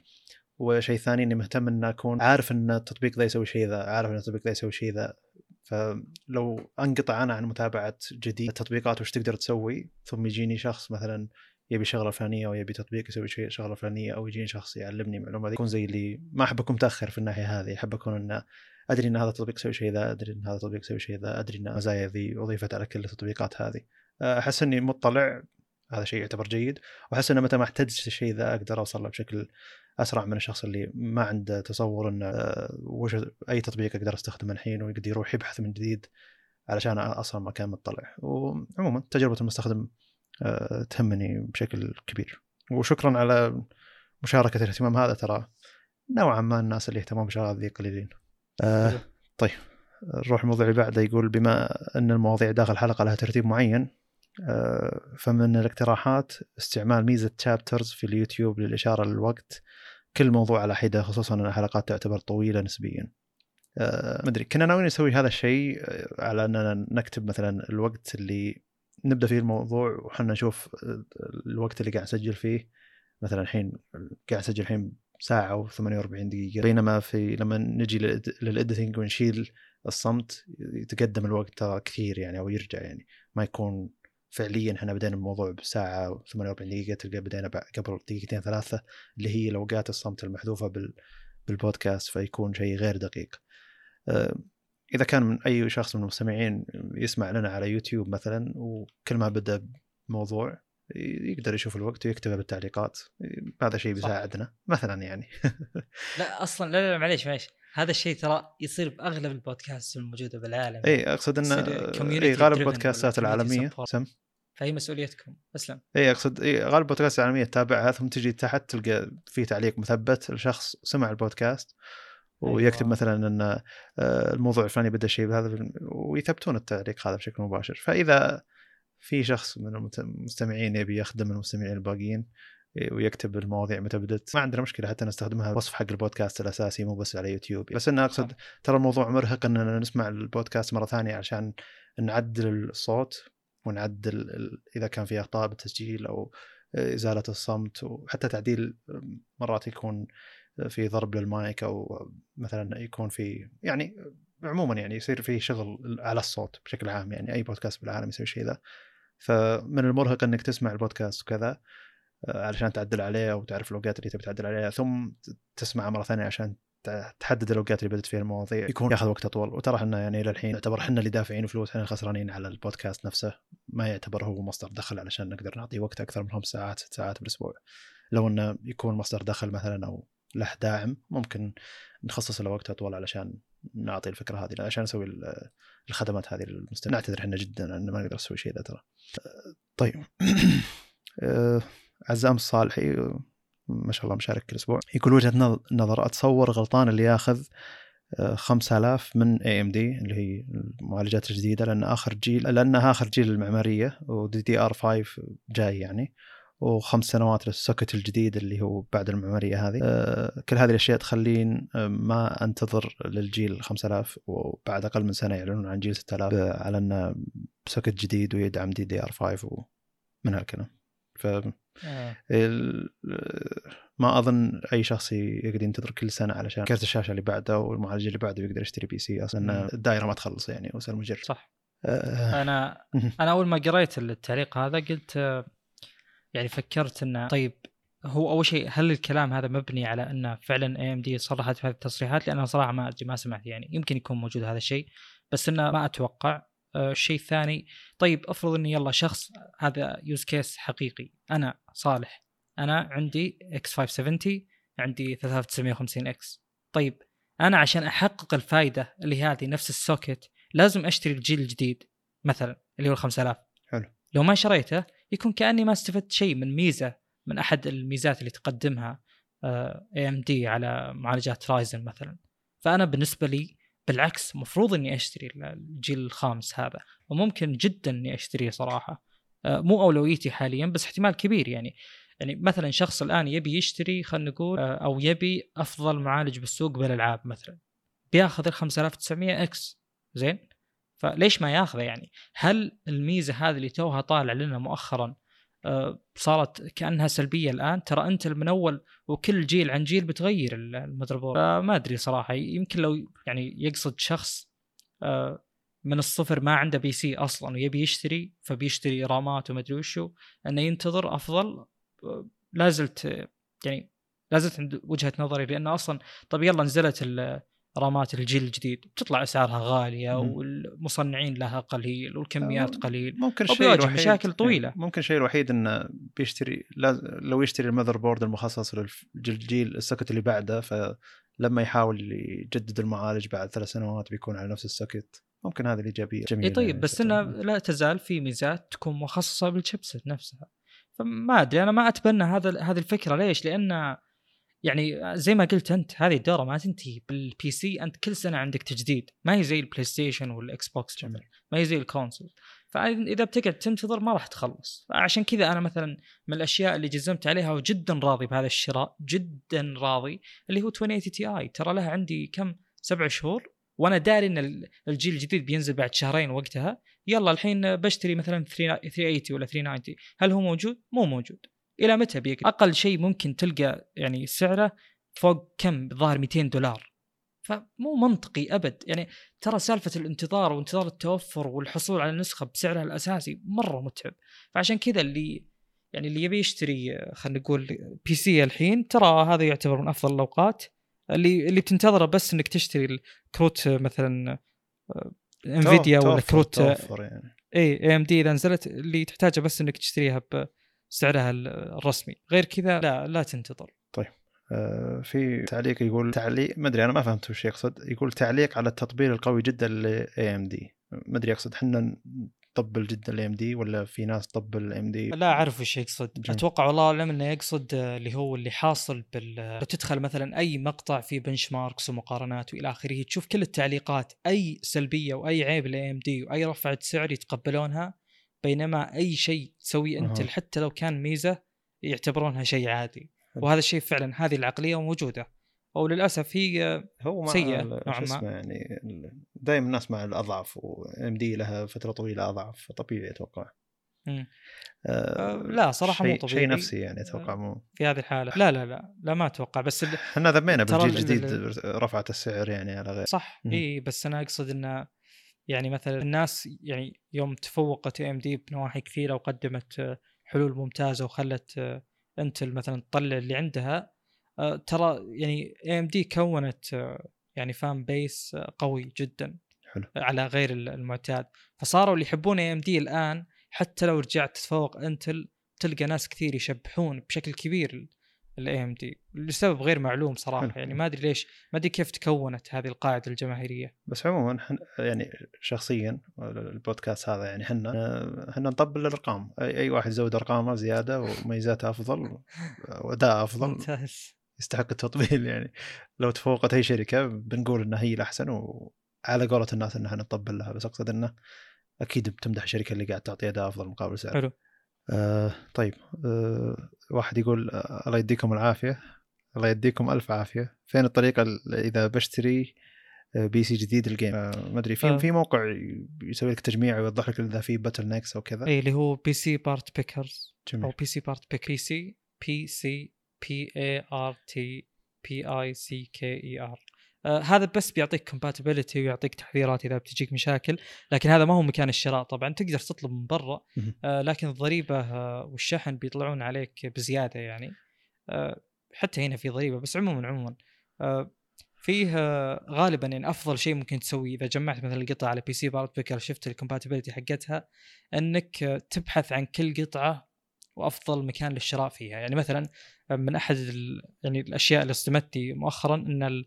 ال case حقي الجديد اللي للحين ما سويت له مراجعة طبعا لأني صراحة ما تفرغت اللي هو ال Lian Li O11 Dynamic XL. صار له وكيل هنا وصار يباع بسعر رخيص جدا. ما أدري من هو الوكيل بس في واحد قال لي الخبر صار سعره ب 950 الظاهر حلو. أو 960 ريال. وأنا شاريه ب يعني مع الشحن وما أدري وشو تقريبا كلفني 1200 1250 ريال. وقاعد ثلاث شهور عشان ينشحن. فهذه أفضل طريقة إنك تشتري آه، PC صراحة. إنك تشوف كل قطعة والمكان الأرخص لبيعها. آه، لأن يعني إذا كان اللي يبيع لك القطعة وكيل غالبا بيكون سعره أرخص لك من برا بكثير. وبنفس الوقت ما ما تروح المكان زي مثلا حراج الكمبيوتر اللي بالرياض هذا وتشتري كل قطعك لأن في أشياء بتطلع مرة غالية عليك وبزيادة يعني. والاشياء اللي وزنها عالي مق... اللي بتاخذ شحن أكثر من انها اللي هي تستاهلها فعليا فلو تاخذها من هنا تعتبر عليك. آه طيب آه، سؤال يقول سؤال في الشاشات. في شاشة في ف... في شاشة الهاتف هل بالفعل نستطيع التفريق بين شاشات Full HD و W QHD عن نفسي لا أستطيع ومن أيام Note 5 وحتى الآن أضع الضبط على 1000 FHD أو Full HD يعني. آه، بما أنها احفظ البطارية وما هي حدود قدرة العين بتمييز كثافة البكسلات ال PPI هذا من هيثم. أنا أعتقد إن آه، يفرق من عين إلى عين وهذا فعليا ال refresh rate 90 هرتز 120 هرتز 60 هرتز 144 هرتز 240 هرتز في ناس تفرق بين أدق دقيق يعني بين ال 60 و 90 90 120 120 144 في ناس ما تفرق. فشيء طبيعي ونفس الفكرة من ناحيه الدقة. تقدر تقول واحد إنه قاعد أقدر أشوف البكسلات بال- بالشاشة هذه وهو يقول لك لا صعب تشوف البكسل ما, ما قاعد أشوف البكسل. وتكلمنا عن موضوع الدقة مقابل إنك تقدر تزيد مثلا السطوع حق الشاشة مقابل مثلا الشمس.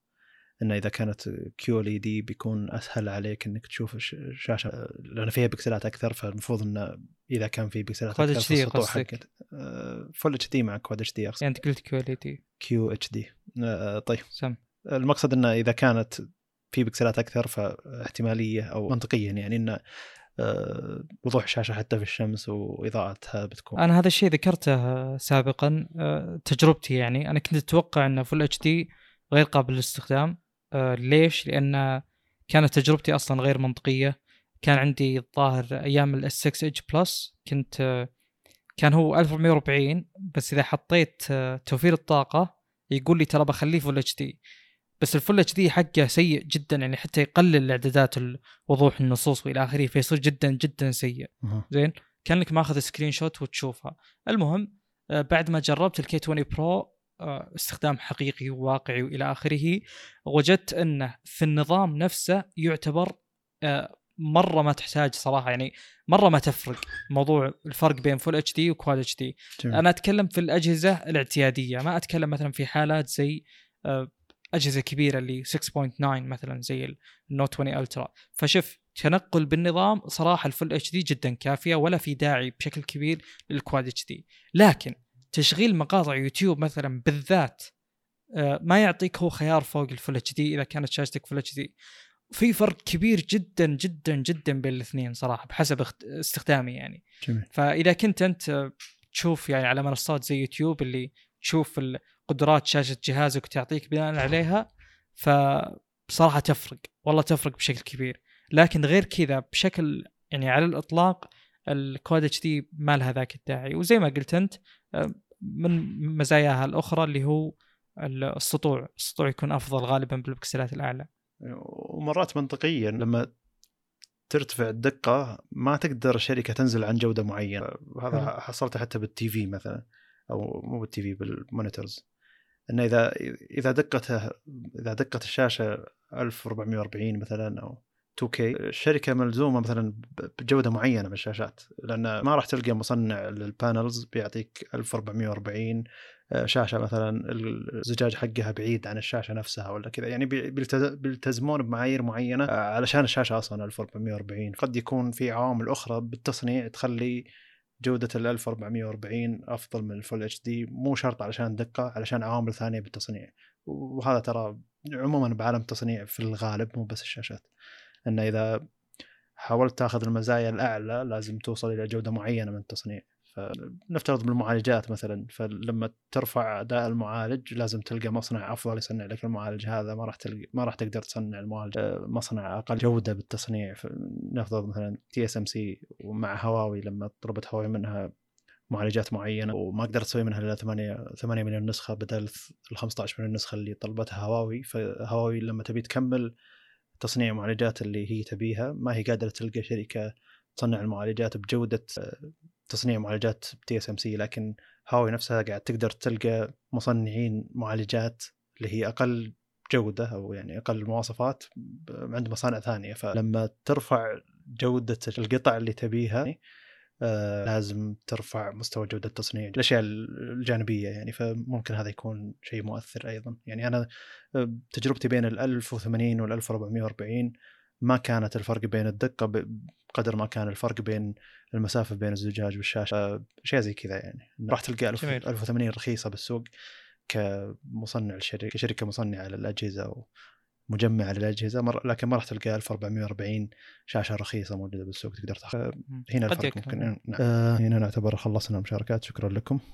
وشكرا لمشاركاتكم صراحة. يعني شيء جيد. الفقرة هذه جميلة وفيها تغيير حلو. و... المرة الجاية بن... بنحط التغريدة أبكر لانها صراحة يعني لا أنا أتوقع في ناس في ناس غردنا بعد البودكاست مباشرة وغردنا قبل لا نسجل البودكاست تقريبا نص ساعة أو ساعة ف... طيب الثنتين ما يضر. جميل. يلا. سلام.